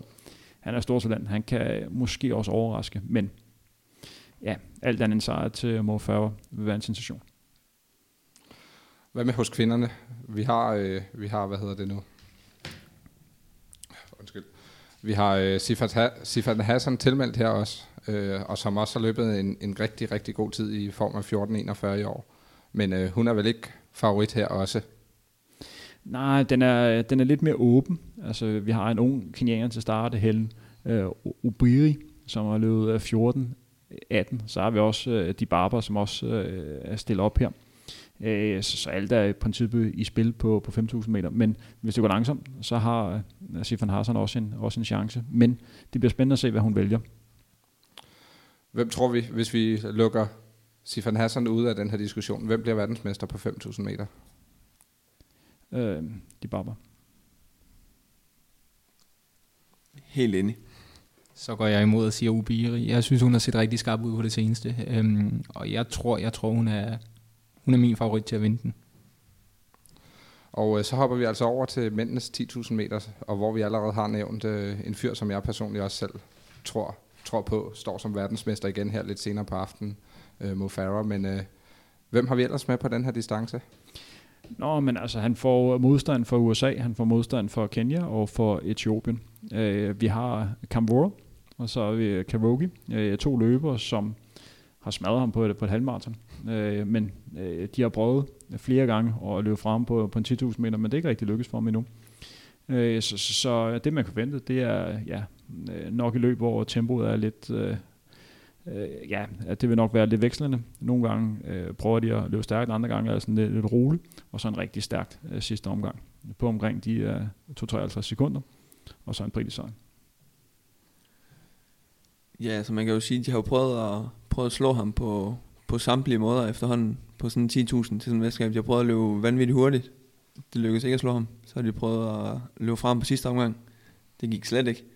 Øh, og så har de det der med at, at veksle tempoet, øh, de her kenianske drenge og etioperne, og det virker jo heller ikke rigtigt til, det er noget, der, der sådan slår ham ud. Jeg tror, at deres største chance, hvis han skal slås, det er simpelthen, at øh, Kenya og Etiopien går sammen. Øh, man skal være opmærksom på, at de har et fjendskab, som er Øh, lidt større end det fjendskab, vi har med, øh, med Sverige. Men det kræver, at de to lande de simpelthen arbejder sammen. Så tænker vi, okay, nu skal vi altså arbejde for hinanden, og så sætte så højt tempo på som muligt, og så håbe på en bitræt. Øh, så har de en chance. Men øh, hvis de ikke kommer til at løbe rigtig stærkt, og her tænker jeg på tider, som er hurtigere end sådan 26, øh, 45, 26, 50, så vil Moe smadre dem, når de mangler 400 meter. Er det overhovedet realistisk, at, at de her to ærkerivaler kan, kan gå sammen om at, at ville smadre Mo? Uh, nej, men uh, det er det, der skal til. Man kunne så håbe på, at de havde samme plan. Så de behøver de ikke at gå sammen om det, så sker det bare automatisk måske. Så man går håbe på, at de har samme plan og vil gå ud og sætte et hårdt løb fra start. Og så får vi noget af et løb og en meget, meget spændende 10.000 meter. Og det er også en 10.000 meter, hvor man skal lige lægge mærke til, at vi har, altså, vi har jo to europæer til start, men det er to europæiske løber, som den ene er Mo 40, og den anden er Aigan for, for Tyrkiet. Øh, to løber, som begge to er, er, er født i Afrika. Øh, det er første gang, du faktisk har en af de store mesterskaber, hvor der ikke er en europæisk løber, der rent faktisk er, for, eller er født europæisk løber, der ikke formår at, at, at klare uh, kravet til at deltage. Det er, det er første gang, det sker. Ja, altså... Øh det vil være lige så stor en overraskelse, hvis øh, Galen Rupp bliver to igen i år, som øh, hvis øh, Mo ikke vinder. Hvad med hos, øh, hos kvinderne, hvor vi har en, øh, en stærk, øh, stærk amerikaner, Charlene Flanagan med. Vi har også øh, etiopiske Tirunes de Barber. Ja, der blev jo sat en, øh, en verdenskort for, for kvinderne øh, sidste år på 10 med distance, og hun har jo været lidt, øh, lidt skadet i år, men hun, hun stiller til start. Øh, hun, jeg mener, hun løb sådan 29, 17, 29, 18. Øh, så, så, øh, øh, så hun er, hvad kan man sige, favoritten. Det er der, det er der ingen tvivl om. Altså. Uh, jeg må også lige nævne, at der er nævnt før, at Game Rob, uh, Game Rob, han stiller ikke til start. Han uh, blev nummer 5 til det amerikanske udtalelsesmesterskab, så han klarer det ikke. Ja, han var mildest talt pissesur efter et løb. Han nægtede at snakke med nogen efter løbet og, og gik fra lige igennem pressezonen øh, mindre skandale i de amerikanske medier, han ikke gad udtale sig. Ja, han var, han var lidt mopset. Men øh, tilbage til kvinderne, 10.000 meter. Øh, der er også Almas Ayana, øh, der har løbet rigtig stærkt på, på et par Diamond League-løbende øh, på 5.000 meter, så vidt jeg husker. Øh, er hun med i medaljekampen her på 10.000 meteren? Ja, hun er en løber, man skal holde øje med. Øh, og øh, jeg mener, var det ikke hende, der satte verdensrekord sidste år? Det, det tror jeg faktisk, det var. Jo, det, det, det er mig, der blander to navne sammen. Ja, øh, så, så, så når man møder op som verdensrekordholder og som, øh, som olympisk mester, øh, så, har man en, øh, så har man en god chance. Helt sikkert. Øh, outsiderne, hvem har vi her? Jo, men altså, man skal jo altid holde øje med, øh, med Kenya og Etiopien. Øh, altså, de har så meget talent, så ser for der er nogle navne, som vi ikke rigtig kender, så kan de, øh, så kan de godt være, være kendte. En gang imellem, der dukker en amerikaner op, som vi ikke lige har set som favoritter, som øh, måske får en medalje, men alle andet end en top 3, der består af løber øh, for Kenya og Etiopien, det vil være en overraskelse. Hvad med en svend, øh, vi har en svensk kvinde med her, øh, for at holde det lidt nordisk, øh, Sara Lati, øh, som både stiller op på 5.000 og 10.000 meter. Øh, hun har en chance, men altså, øh, hvis hun har en god dag, så løber hun 31-20. Øh, jeg var formodet, at øh, der bliver løbet lidt stærkere. Øh, og vi, skal, vi har faktisk også en anden svensker, øh, Miraf Barta, øh, som øh, har løbet 31-13 i år, og også løbet øh, omkring 15.00 og lidt over 4 minutter på, øh, på en 1500 meter. Så det er også en løber, som har kapacitet til at løbe rigtig stærkt. Øh, men top 3, Kenya og Etiopien. Og øh, så når vi altså til noget, vi har snakket en lille smule før. Marathon-distancen. Yes, øh, maratondistancen, som bliver, som bliver løbet øh, nu på søndag, øh, hvor man først sender herrerne afsted, og så sender man øh, kvinderne afsted bagefter. Vi nævnte lidt, da vi snakkede om Abdis løb øh, tidligere. Det er, et, det er et lidt sjovt løb, øh, fordi det er, et, det er et mesterskabsløb, og det er stort at blive verdensmester, men det er også, øh, det er også stort at øh, gøre sig gældende i Berlin Marathon og New York Marathon og Chicago Marathon. Så blandt andet den, den bedste løber på maraton lige i øjeblikket, Elia Kipchoge, han stiller jo ikke til start. Han øh, vil hellere løbe Berlin og prøve at sætte, øh, sætte verdenskort. Og der har også været tradition for, at det har været lidt af de lidt ukendte øh, løber, som, som bliver verdensmester. Øh, men niveauet er højt. Altså jeg tror, vi har 35 løber til start øh, fra herrenes side, som har løbet under 2.10. Øh, så man, øh, man, altså niveauet er, er højt, men de, øh, de absolut bedste er, er ikke med. Men skal vi, øh, skal vi pege på nogen, for det ved jeg, du vil spørge om lige nu, så har vi vinderen for London med i år, øh, Daniel Van Gio, øh, som løb rigtig flot ved, ved den lejlighed. Vi har en tidligere verdensmester, Kipluchit, som også blev olympisk mester i 2012 i London. Så har vi vinderen af, af Boston, øh, Kirui, øh, og så har vi en, der hedder Kipketer, Gideon Kipketer, som også øh, løb rigtig stærkt. Og så skal vi også have øje med en brite, der hedder Callum Hawkins. Callum Hawkins, han er altså en øh, løber, lige efter min smag. Han er bare en løber, der er fuldstændig ligeglad med, hvem der har løber med. Han går bare op, og så sætter han tempo på, og så må de andre følge med. Han er løber i år, der har løbet 60.0 på halvmarathon. Øh, og det har han, øh, da han har løbet 60.0 og så er det 60.08. Øh, hvis han har en god dag, så kan han måske godt komme i top 5. Ja, og han løber altså også et fantastisk, fuldstændig fantastisk øh, cross-EM, cross-VM øh, i vinters. Det er en løber, der går ud og giver sig 100% hver eneste gang, han, øh, han er på banen, og det bliver da spændende at se ham. Øh, hvad med hos kvinderne? Hos kvinderne, der har vi den uh, forsvarende verdensmester, jeg tror det er Edna Kippelkat, uh, øh, hun hedder, som har vundet uh, to gange. Uh, jeg tror, at uh, hun kører en, uh, kører en triple. Det vil være overraskende, hvis hun ikke, uh, hvis hun ikke vinder. Øh, konkurrencen er ikke helt så bred for, for kvindernes, øh, som, den, som den er på herrene. Øh, men altså, hvis det ikke er hende, så er det nogle af de andre øh, kenianske eller etiopiske øh, løber, som vi, som vi gør sig gennem. Og øh, så går vi videre til disciplin, øh, som vi også igen har snakket en lille smule om, så, så lad os tage den hurtigt. Hvem vinder 3000 meter forhindring hos jer? Øh, altså, der er to personer, jeg rigtig gerne vil se øh, vinde. Øh, den ene, det er, det er Kimbo igen, øh, fordi han, han simpelthen laver verdens fedeste sejrstans bagefter. Hvis man keder sig en dag, så prøv at undersøge på Kimbo. Altså, manden kan ikke danse, men øh, kæft, det ser sjovt ud. Og den anden, det er Ivan Jaeger.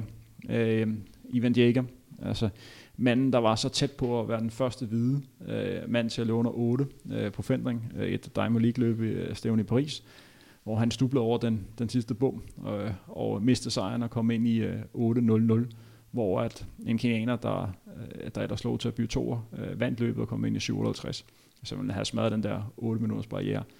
Ivan Jager, han vandt løbet i Monaco, hvor han løb den sidste kilometer på 2.36. Der så han skarp ud. Hvis han har samme form, så kan det godt være. Men ja, øh, den er meget åben. Hvad med en fyr, der har tidligere har vundet mange medaljer, men øh, har gjort det rigtig godt og løbet 8.0009, øh, det franske McKeesey, øh, som faktisk står til start.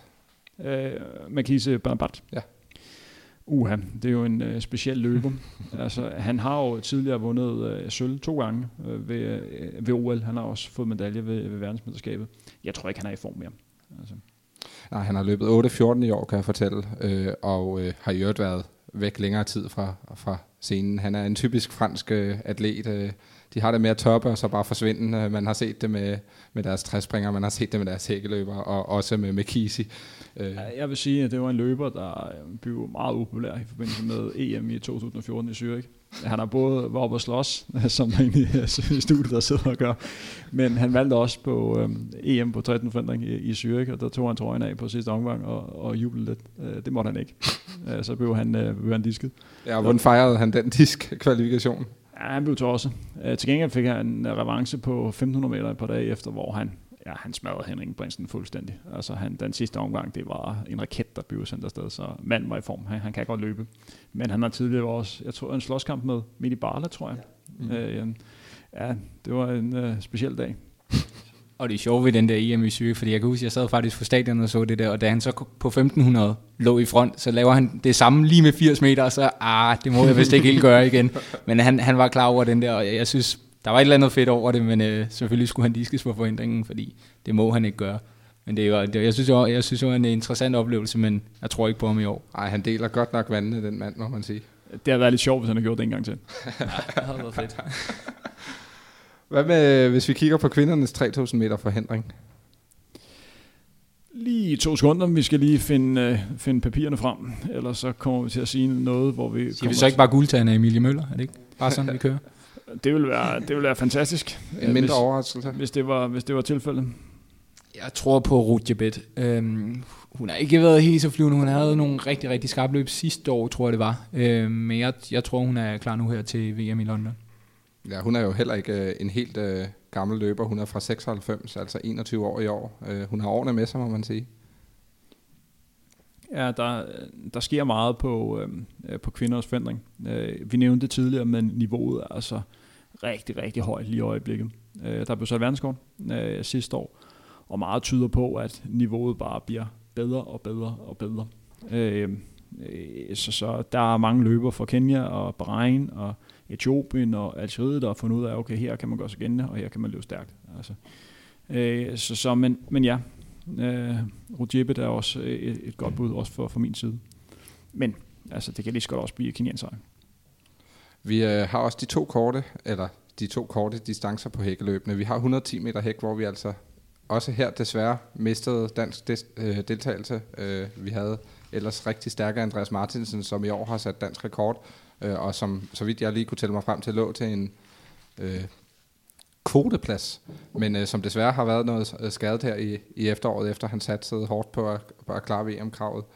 Øh, I stedet for, så har vi nogle ret stærke navne til start. Vi har øh, franskmændene stiller, så vidt jeg kan se, med Dimitri Basco, som vel må, må sige sig at være med blandt favoritterne, eller hvad?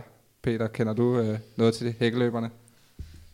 Ja, altså, øh, Basco han var jo ret flyvende for et par år siden, øhm, men øh, det virker ikke sådan rigtigt til, at franskmændene har, har ramt formen i år. Øhm, så jeg tror, det bliver øh, Jamaica mod, øh, mod det neutrale flag, sådan lige umiddelbart. Vi har jo øh, Shubenkov fra, fra Rusland, som har fået lov til at, til at stille op, selvom, øh, selvom Rusland er i karantæne, så har han fået lov til at stille op sammen med 13-14 andre under neutral flag. Øhm, og så er der jo selvfølgelig øh, Arias Merritt som, øh, som verdensrekordholder, øh, som er på vej tilbage efter at have fået skiftet øh, nyere eller lever, nu er jeg lidt i tvivl om, hvad det var. Men han havde i hvert fald en rimelig hæftig operation for en 3-4 år siden. Ja, var det ikke i forbindelse med øh, øh, VM øh, på det tidspunkt, hvor han, Jo, det øh, hvor han stillede op, og så skulle opereres øh, på dag efter? Altså, det var en, øh, en vild historie ja, så vidt jeg husker, blev det endda diagnostiseret under øh, VM, at han begyndte at have ondt efter indledende, øh, og tager ud og bliver scannet, og han får at vide, at han skal faktisk opereres så hurtigt som muligt, men øh, bliver ved og fortsætter både øh, semifinal og finale, øh, og gør det godt. Men også på, øh, ja, på sådan 110 øh, meter hæk, der, der er mange tilfældigheder øh, i spil. Altså, de skal igennem mange indledende heat. Øh, de ligger meget tæt, og der skal ikke mere bare en, en misset hæk eller to, øh, så kan de nemt ryge problem. Hos kvinderne, der er det altså ikke 110 meter, men 100 meter, de løber. Og øh, hvis vi kigger lidt på hvis vi kigger lidt på, på den liste af tilmeldte, så er der vel nogle amerikanere, der gør det rimelig skarpt lige i øjeblikket. Ja, altså vi har jo Kendra Harrison, som, øh, som stikker noget ud, må man sige. Øh, hun har løbet 12-28 i år, øh, løb øh, 12-20 sidste år, øh, verdenskort. Øh, Øhm, og man kan sige, øh, med to tiendedele ned til, ned til nummer to i år, så er der lidt at give af. Så hun ligner umiddelbart en, øh, en ret stor favorit. Øhm, men øh, der er så også rimelig meget kamp om pladserne omkring øh, anden tredje pladsen, hvor der er en lige en 5-6 seks bier inden for en 5-600 del. Så det bliver, det bliver tæt efter Harrison. Men jeg skulle til at sige, er det ikke også Harrison, der for, ja, ved sidste VM netop ikke kom med, så det, hun har en revanche til gode, og så gik hun ud og satte den verdensrekord efterfølgende. Så det er noget af en konkurrence, eller en, et, øh, hvad hedder det, revanche, hun har til gode. Så hun skal ud og sætte en ny verdensrekord. Jeg tror faktisk, det var til OL, hvor hun missede, øh, hvor hun missede den her kvalifikationskonkurrence og ikke kom med. Ja, det er jo netop måske den lidt øh, triste side ved, ved de amerikanske trials. Altså, der var ikke nogen tvivl om, at, øh, at Harrison var, var damen, der skulle slå sidste år. Men øh, hun kom lidt i øh, kambolage med en hæk, og så kom hun ikke til OL, og så gik, tog de til London øh, Diamond League, og så satte hun verdenskort. Ja, hun faktisk, så vidt jeg lige husker, har skrevet ned, så tabte hun ikke et løb i over et år, og så kommer hun til de her amerikanske mesterskaber og rammer hækken. Øh, så det er jo en, en helt utrolig sørgelig historie, men øh, kommer altså med en verdensrekord i benene, og må jo være favorit igen. Men det bliver også spændende at se, hvad Sally Pearson kan, fordi hun har også været ude et stykke tid, og har kommet bedre og bedre igen, og ja, nu ligger hun jo næstbedst i år. Øhm, så jeg tror også, øh, hvis der er nogen, der skal presse hende, jeg tror ikke, hun bliver presset helt igennem, men hvis der er nogen, der skal, så bliver det Sally Pearson. Ja, lad os... Øh... Jeg tror faktisk, det var Sally Pearson, der vandt i London til OL. Så man kan sige, hun har jo gode minder fra det stadion. Ja, og tager, ja, tager helt fejl, hvis øh, jeg siger, at Sally Pearson har holdt pause fra atletikken i et par år. Hun faldt og brækkede underarm i Rom, tror jeg, for en to år siden. Har haft lidt svært ved at komme tilbage efter det. Hun har også øh, brudt med sin, med sin træner, som hun har haft siden hun var helt ung junior, og træner nu sig selv. Og lige umiddelbart, så fungerer det jo ganske udmærket. Ja, det bliver meget spændende at se, om, om hun er helt, hvor hun skal være. Øh, lad os prøve at gå op øh, på den lidt længere hæk, 400 meter hæk, og så kigge på mændenes øh, løb, hvor der jo altså også er nogle meget interessante navne, blandt andet en ung nordmand, øh, der bragede igennem lydmuren til Diamond League i Oslo og i, i Stockholm øh, en, øh, en mange kæmper ved navn Carsten Warholm. Kan han gøre sig på den her allerstørste scene i London? Han har en god chance. Øh, jeg tror ikke, han bliver, bliver verdensmester, men øh, på en god dag kan han måske få en bronze. Han løber rigtig, rigtig stærkt ved Diamond øh, League-stederne i Oslo. Altså, det kræver en mand at stille op på, på hjemmebanen, hvor alt presset ligger på ham, og så gå ud og, og smadre hele, hele verdenseliten og sætte en ny øh, personrekord. Øh, så er man klar, når det gælder. Han, skal nok også, han skal nok også være der. Han har haft nogle lidt sjove valg, siden han har stillet op i nogle af de her, lidt unge, nogle af de her ungdomsmesterskaber, som at det er jo altid fedt at, at vinde et ungdomsmesterskab. Men hvorfor stille op på, øh, på en 400 meter øh, distance, hvor han ikke er favorit? Øh, det er jo lidt spildte kræfter, i stedet for at holde fokus mod øh, verdensmesterskab, hvor han eventuelt kunne få, øh, få en medalje. Hvis han er op til sin bedste, så en bronze. Ja, man kan jo sige, at øh, det ligger jo lidt til, til Varholm at lave de her lidt spændende, spændende kombination, kombinationer til øh, ungdomsmesterskaberne. Øh, to år siden til junior hjem, der kombinerede han øh, en 10-kamp med 400 meter. Med det resultat, at han blev nummer to i begge to. og hvem var det, han blev to efter på 400 og meter? han tabte så til vores Benjamin på 400 meter. Øh, og han skulle så løbe 400 meter i 10-kampen 45 minutter efter hans finale på 400 meter. Så han har nok været lidt træt til, til anden dagen på den 10-kamp. Ja, det, det virker som en, uh, som en hård dag på kontoret, det der. Så, men hvem, øh, hvem er så i stedet for med og kan kæmpe om den her sejr? Nå, men altså, det er jo en uh, disciplin, som uh, altså, hvor USA øh, øh, traditionsmæssigt er, er, er godt kørende, øh, og det vil det også være med det her mesterskab her. Men vi har altså også nogle, nogle nye løber, øh, som er vej frem. Vi har en løber fra Elfenbenskysten, øh, Mark Master, øh, som har årsbedste øh, i, i verden, og det er jo en løber, som man skal holde øje med. Altså, man forbinder ikke normalt Elfenbenskysten med, med 400 meter hæk. Altså, jeg ved godt, der har været nogle, øh, altså hvis vi snakker om afrikanske kontinent, der har været nogle kenianer, der lige pludselig er, er, er, er dukket op. Øh, men må det ikke det bliver en amerikaner, så, som kører det? Jo, altså det ligner jo lidt uh, de unge mod, uh, mod de gamle. Uh, der er uh, Copello og Clement, som er, er de gamle gavede, og så er der en masse, masse nye drenge, som uh, McMaster og Fudge og, og Warholm. Ja, fordi vi har jo Clement, der vandt uh, guld i 2016 i Rio, og vi har uh, Copello, der blev træer. Øh, men vi har, så vidt jeg lige kan se, øh, ikke uh, andenpladsen med Boniface øh, Mokeo fra Kenya, Øh, det er i stedet for øh, ham, der blev syver i finalen fra Kenya, øh, der stiller op. Hvem, øh, ja, hvad er der egentlig blevet af ham overhovedet?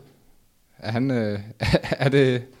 Ja, altså der er en god mulighed, at han tager ud af fest. Øhm, de har det lidt svært nogle gange, det der med, at øh, hvis de lige pludselig bryder igennem, og de, der kommer en masse økonomi, og hvis du kommer fra sådan lidt et, et lille bundesamfund, så kan det godt være lidt svært at holde, holde skruen i vandet. Så bliver det sådan lidt fest og farver de efterfølgende år.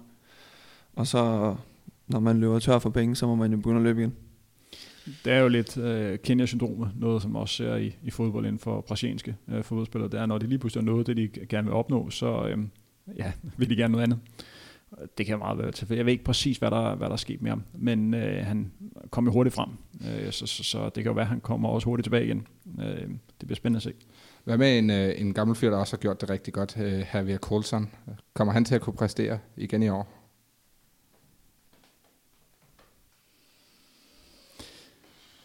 Ah, det bliver... Øh, ja, han har, han har jo en chance. Altså, det er jo øh, altså, det gode ved, øh, ved hækken, noget som vi også skal snakke om, når vi øh, snakker øh, Sara lige om lidt, det er jo rutine. Øh, betyder jo lidt. Og hvis du er bare vant til at håndtere det her pres her, øh, så, så er du godt kørende. Men rent formmæssigt har han ikke, øh, er der ikke noget, der tyder på, at han kan altså, øh, vinde guld. Men man skal aldrig undervurdere rutine. Nej, altså man kan sige, øh, Thomas Barr fra, fra Irland, øh, han, han havde jo ikke det, nogen fantastisk optag sidste år til Rio. Han løb uh, 50-20 til EM i Amsterdam. Havde en masse problemer med, med hoften. Øh, fik jeg overhovedet ikke trænet nærmest op til Rio for øh, to uger inden, og så ender han med at blive 5 eller 6 i finalen, og sætte IS-rekord og løbe 47 97. Han blev faktisk 4 i, fire, i, i, finalen. Så øh, altså, det var lidt, altså, meget kan ske, når der lige pludselig er, er hække på banen. Øh, det giver lidt flere øh, overraskelser. Ja, altså der er, hvis vi skal snakke anekdoter, øh, jeg tror noget af det, det mest specielle, jeg har set på, øh, på hækken, det var et dansk mesterskab, vi havde på den korte hæk, 100 timer hæk, jeg tror vi er tilbage for 8 år siden, eller sådan noget, øh, hvor Thomas Flensborg, en af, øh, en af dem med bordet her, øh, konkurrenter øh, på, på det tidspunkt, eller i overlappet lidt hinanden i, øh, i træspring, men han stiller sig op i 110 meter hæk. Jeg tror, han var den eneste, der rent faktisk gennemførte det her løb her. Og der findes et legendarisk billede, hvor Thomas han jubler, fordi han er blevet, blevet dansk mester, hvor han så samtidig kigger tilbage og bare kan se, at der ikke er en anden løber, der står på benene. Og hvordan den der sådan glæde, samtidig med overraskelse over, om han er den eneste, der rent faktisk er stand til at gennemføre, det er bare fantastisk. Altså. Jamen, øh, spændende. Hvad med hos kvinderne? Vi har snakket sig slot. Jo, men altså, det er jo, øh, det er jo Sarah Slot mod, øh, øh, mod amerikanerne, og så er der også en tjekke, øh, vi heller ikke skal glemme. Altså, øh, men altså, det ville være overraskende, hvis det ikke blev, øh, ja, hvis ikke to medaljer i hvert fald gik til USA. Ja, man må sige, at øh, USA med deres, øh, med deres trials i år, hvor, hvor de tre første løb under, under 53, de har, de har sat sig rimelig hårdt på, øh, på favoritværdigheden. Og så er der jo, øh, som, øh, som Tim også nævner, Heinova og Russell, og så er der øh, Så er der også britiske øh, Edith Doyle. Øh, så der, der er mange, mange kvinder, der gerne vil blande sig omkring de tre første. Og det kan selvfølgelig være, når hun løber på hjemmebane, øh, den øh, britiske kvinde, du nævner der. Det kan jo være, at øh, det giver en ekstra vinger. Det bliver vel en af de øh, mest interessante finaler overhovedet ved, ved stævnet. Ja, set med Eller- danske øjne helt klart den mest interessante. Et skud på tasken. Hvem, hvem kan tage den? Jeg vil sige, at det bliver øh, kultursag, men jeg håber på sig. Jeg tror, at det bliver Mohammed Little og så Sar på tredjeplads. Så prøver jeg også at kalde ind. Øhm, jeg går imod de andre og siger, at der kun kommer én medalje til USA. Øh, Heino hvad får en medalje, og så bliver det en jamaikansk medalje også. I hvilke rækkefølge, det må tiden vise. Nu har vi altså været igennem løbedisciplinerne ved det her VM. Er der nogle øh, andre discipliner, man skal holde øje med, hvis man sidder og bare gerne vil have en god konkurrence at se på? Øhm, sådan øh, i, over i sandkassen, øhm, så er der øh, mændenes længdespring. Der er, øh, der er øh, virkelig, altså sådan i virkelig højt niveau. Øhm, der er 32 til start, og der er kun 12 af deltagerne, der ikke har sprunget over 28 i år.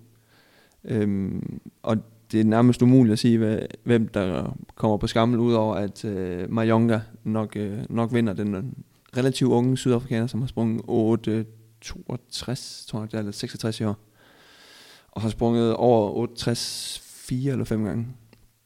Øh, og så 60 spring, der er det lidt, øh, lidt anderledes for mændene. Der er der ikke øh, den store bredde. Til gengæld så er de tre første, øh, de kan godt finde ud af at hoppe virkelig langt. Og der kunne måske godt ligge en, en verdenskort.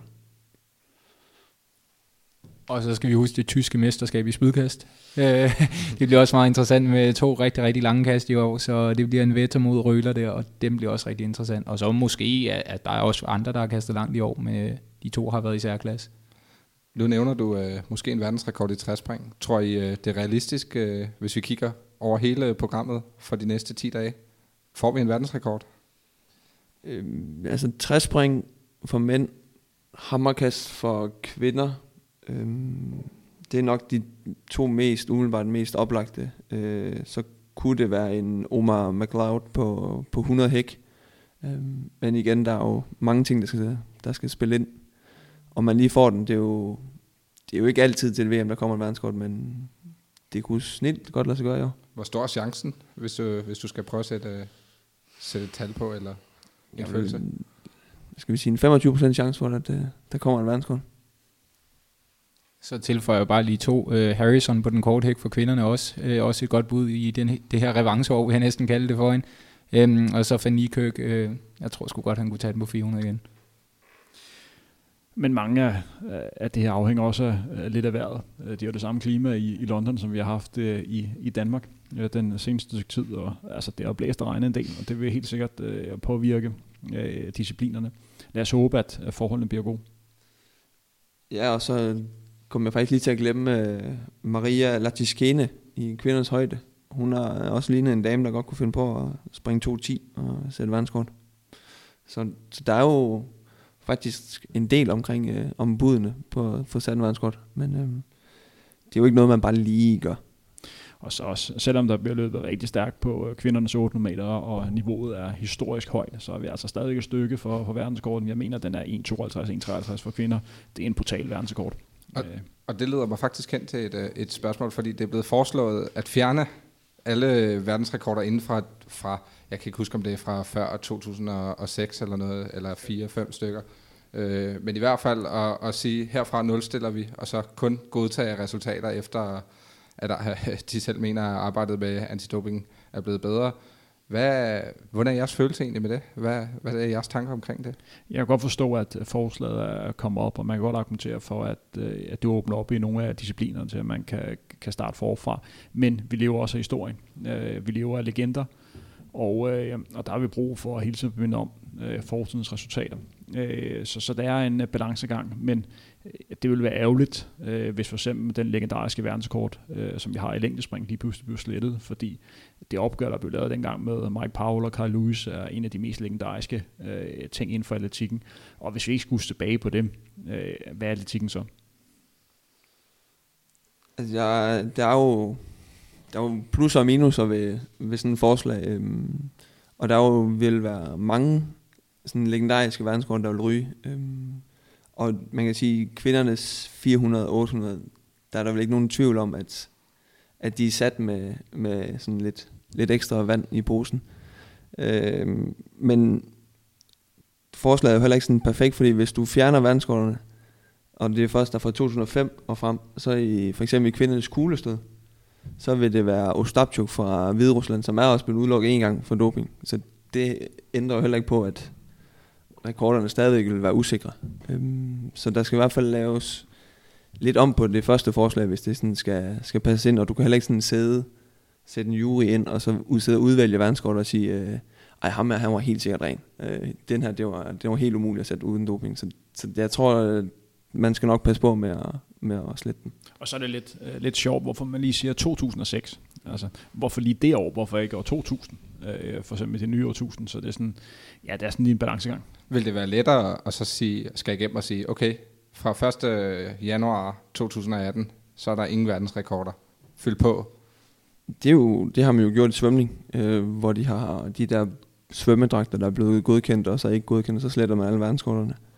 Øhm, lige med den der, om det er 2005 eller 2006, det har noget at gøre med, om hvornår de begynder at opbevare øh, dopingprøver til test senere. Så jeg tror, det er noget med det at gøre. Øhm, men ja, altså, jeg, umiddelbart vil det nok være nemmere at sige, fra 1. januar 2018, så starter man øh, forfra.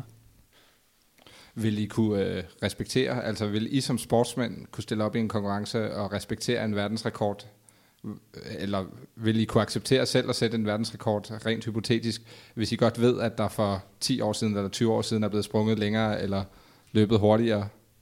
Nå, men hvis det er, hvis det er besluttet, at, øh, at verdensrekorden skal nulstilles, og man så er så heldig, at man har den, øh, den bedste tid, eller øh, sprunget længst, så er det fordi, man har verdensrekorden. Øh, regler, regler.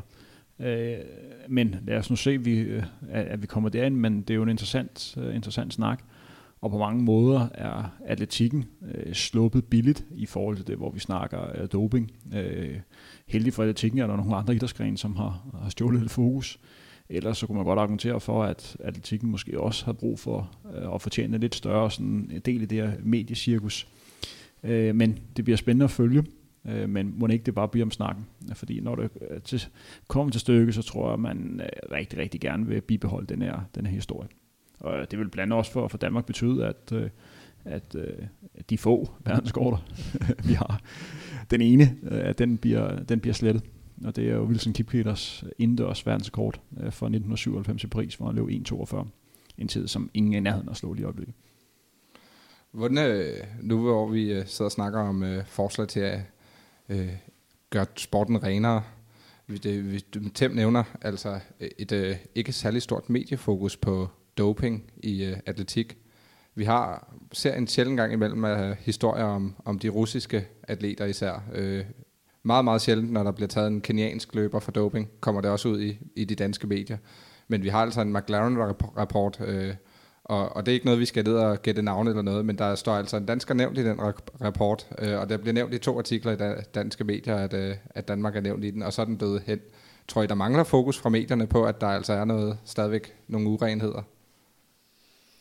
Altså man kan sige, at den dansker, der blev nævnt, det var til et stævne i Rusland, tror jeg nok. Jeg kan glemme, hvad det var for et. Øh, men der var en masse øh, uoverensstemmelser mellem nummer og, og køn og sådan noget, så det var, jeg ved ikke, om det har noget at gøre med Ruslands lidt øh, rundhåndede øh, omgang med, øh, med de, deres dopingkontrol. Øh, men eftersom man ikke har hørt mere til det, så må man gå ud fra, at det har været en, øh, en, en fejl, sådan rent bogføringsmæssigt. Øh. Øhm, og man kan sige, jeg tror også, grunden til, at atletikken ikke er så, så, så langt, meget fremme i medierne mere, det er, fordi, at vi gør ret meget. Altså, øh, forbundet går forrest i den her kamp i forhold til så mange andre sportsgrene. Øhm, og atletikken var jo nok der, hvor, hvor cykling og de andre sportsgrene er nu, der var vi måske i, i 80'erne. Øhm, ja, og cykling var der selvfølgelig også i 90'erne, men der er det måske gået lidt langsommere. Øhm, så, men der bliver gjort rigtig, rigtig, rigtig meget øh, på den front for at gøre det mere rent, og det, det, er, øh, det er ret store indgreb, man gør i, i atleternes sådan, dagligdag. Øhm, altså, man skal jo sige, hvor du er henne hver dag, og du skal have et tidsrum, øh, hvor de kan komme uanmeldt og, og, og teste dig hver dag. Og hvis du ikke har det, og du misser det tre gange, så får du altså to års, øh, to år i skammekrone. Det man også skal være opmærksom på inden for atletikken, øh, vi får knyttet en kommentar om, om den historie, som, som du nævnte, Claus. Det er jo ikke noget konkret her. Øh, så så længe der er ikke noget konkret, så kan vi ikke rigtig tage stilling til det. Så lad os øh, smide den væk.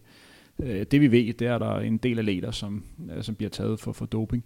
Men det man skal være opmærksom på, det er atletikken. Vi finder ikke en sportsgren, der bliver dyrket i så mange forskellige grene øh, af, af verden som, som atletikken, så der er et kæmpe arbejde for dopingmyndighederne hele tiden at holde styr på, hvad der sker i Afrika, nu nævner jeg bare nogle kontinenter, Afrika, Sydamerika, Nordamerika, Australien, Asien og Europa. Altså, det er jo ekstreme ressourcer, øh, der bliver brugt på det. Øh, det er jo kun fodbolden, øh, hvor, øh, hvor vi nogenlunde kan, kan sammenligne. Og det gør bare, at, at, at det er svært at holde øje med. Og så skal man også tænke på, at jeg tror på mange måder, at man bliver mættet af hele den her øh, dopingsnak, så man, man gider faktisk rent faktisk ikke at høre om det. Men det er noget, man skal være opmærksom på øh, inden for atletikken, og det er øh, super ærgerligt. Hvor tæt tror I, vi er på et øh, dopingfrit mesterskab? Tror I, vi kommer til at se en øh, verdensmester fra i år af blive taget inden for de næste to-tre år? Jeg håber, at det er et øh, doping, øh, dopingfrit øh, mesterskab, men altså, vi ved det jo ikke. Altså, statistikken siger jo, at, øh, at så længe der er, der er berømmelse og, og, og rigdom og tjene, så vil der altid være nogen, der, øh, der prøver at snyde, og det er jo det, vi kan forholde os til. Det vi bare skal håbe, det er, at der bliver gjort alt, hvad man kan for, for at stoppe det, og dem, der eventuelt snyder, bliver taget. Ja, altså, øh, jeg tror også, at man kommer nok ikke sådan vildt meget tættere på et, på et dopingfrit mesterskab, end vi har nu her i London. Øhm, britterne er jo om nogen dem, der går forrest. Øhm, så, øh, men som Tim også siger, så længe at der, der er penge at tjene, og der kommer atleter fra virkelig, altså, som i virkelig dårlige kår, øhm, så vil der være nogen, der er, der er fristet. Øhm, så, så jeg tror aldrig, man vil kunne afholde et VM, OL, uden at øh, der er nogen, der ryger i fælden. Men man kan så sige, at her i Europa er vi jo så gået forrest, fordi der er lige blevet lanceret det her Iron Clean-program, som er et 8-modulers langt program, som atleter faktisk skal have gennemført øh, fra 2020 for at overhovedet få lov til at deltage. Og det synes jeg er et rigtig stærkt signal at sende, så der skal vi bare have resten af kontinenterne med os. Man gør i hvert fald, hvad man, øh, hvad man kan. Ja, og til dem, som ikke har fået øh, sådan nok øh, dopingsnak, så kommer der en dokumentar nu her på Netflix omkring øh, det russiske setup, som, øh, som nu har jeg kun set traileren, og den ser sådan relativt hæftig ud. Den skulle starte i morgen eller sådan noget. Og det var en opfordring, uh, man kan, kan følge med i. og øh, en anden opfordring, det er jo, at vi skal huske at følge med, når atletik-VM starter her. Vi sidder her, og der er øh, et par timer til det starter. Når den her kommer ud, så er vi sandsynligvis i gang med konkurrencerne. Så øh, lyt til det her, mens du sidder og ser noget god atletik, hvis øh, kommentatorerne ikke øh, falder i din smag. Øh, tilbage på programmet er kun at spørge jer. Synes I, vi mangler at snakke om noget med, med det her VM, der starter lige om lidt?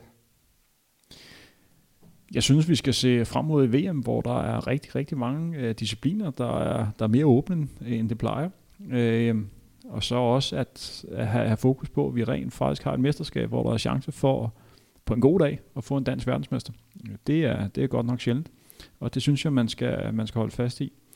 Og så også lige fremhæve, at, øh, at vi har fire danskere til start. Det er også en sjældenhed, og man kan faktisk gå så langt at sige, at at øh, vi faktisk også har mulighed for at få endnu flere med. Øh, det viser, at dansk atletik er på, på vej frem, og det er, det er rigtig positivt. Så er det også godt, at vi har mesterskabet et, øh, ja, et sted som, som London, som er en atletikby, også et sted, hvor man har mulighed for, at, øh, at der er rigtig mange mennesker, der kan komme ind og se øh, atletikken.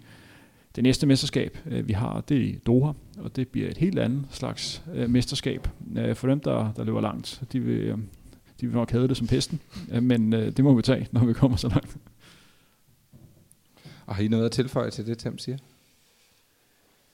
Nej, ikke udover at øh, London om noget sted at, øh, at atletik mekka. Øhm, jeg mener, at de har solgt øh, 95% af deres øh, billetter, og der kan altså stadigvæk, selvom de har gjort stadion mindre, så der kan der stadigvæk sidde øh, lige under 70.000. Så, og det bliver højst sandsynligt fyldt i aften til Mo, han skal ud og løbe et par runder. Så kan jeg jo lige spørge jer som afslutning. Hvad glæder I jer helt personligt selv allermest til at se, hvis vi starter med dig, Mikkel? Selvfølgelig glæder jeg mig allermest til at se danskerne, men øh, jeg har også en lille forkærlighed for spydkast, så jeg glæder mig til det tyske mesterskab der. Og Peter? I, ja, jeg glæder mig, glæder mig nok umiddelbart mest til at se uh, Christian Taylors uh, kamp om, uh, om de sidste par centimeter i forhold til, til verdenskorten. Uh, og så ja, spydkast. Og, og nok også uh, det helt store farvel til, til Bolt. Jeg ser også mest frem til, øh, til 100 meter. Øh, Jeg synes, det er øh, hvad kan man sige, meget fascinerende. Og så kan jeg bare godt lide mændenes 400 meter. Øh, Det, der er bare et eller andet fedt over bare at give en gas på en omgang. Og med det vil jeg afslutte dagens udsendelse med at sige tak til dagens tre gæster. Det var Peter P. Nielsen, træspringer. Det var Mikkel Hansen, spydkaster, forhindringsløber, løbsdirektør i, øh, i hvad hedder det, Dyrehaven. Og, øh, og Henrik Thiem. Det har været en rigtig spændende snak. Vi har været nørdet en hel masse VM. Øh, vi har kigget på samtlige discipliner af løbedisciplinerne, kommet en lille bit smule ud over løbedisciplinerne også. Jeg håber, I har nyt udsendelsen rigtig meget, og jeg håber, I får 10 rigtig gode atletikdage derhjemme. Hvis I ikke selv er til at se det, så kom ud og løb en tur, mens vejret stadigvæk er til det. Jeg vil sige tak, fordi I lyttede, og jeg vil sige tak til Mediano. Og til slut så vil jeg fortælle jer, at Ole Hesselbjerg løber på søndag kl. 11.05. Abdi Ulat på søndag 11.55. Sara løber 20.30 på tirsdag. Og Anna Emilie på torsdag øh, 20.05. Det var en opfordring til jer. Jeg hedder Claus Jacquet, og øh, jeg vil sige tak for nu.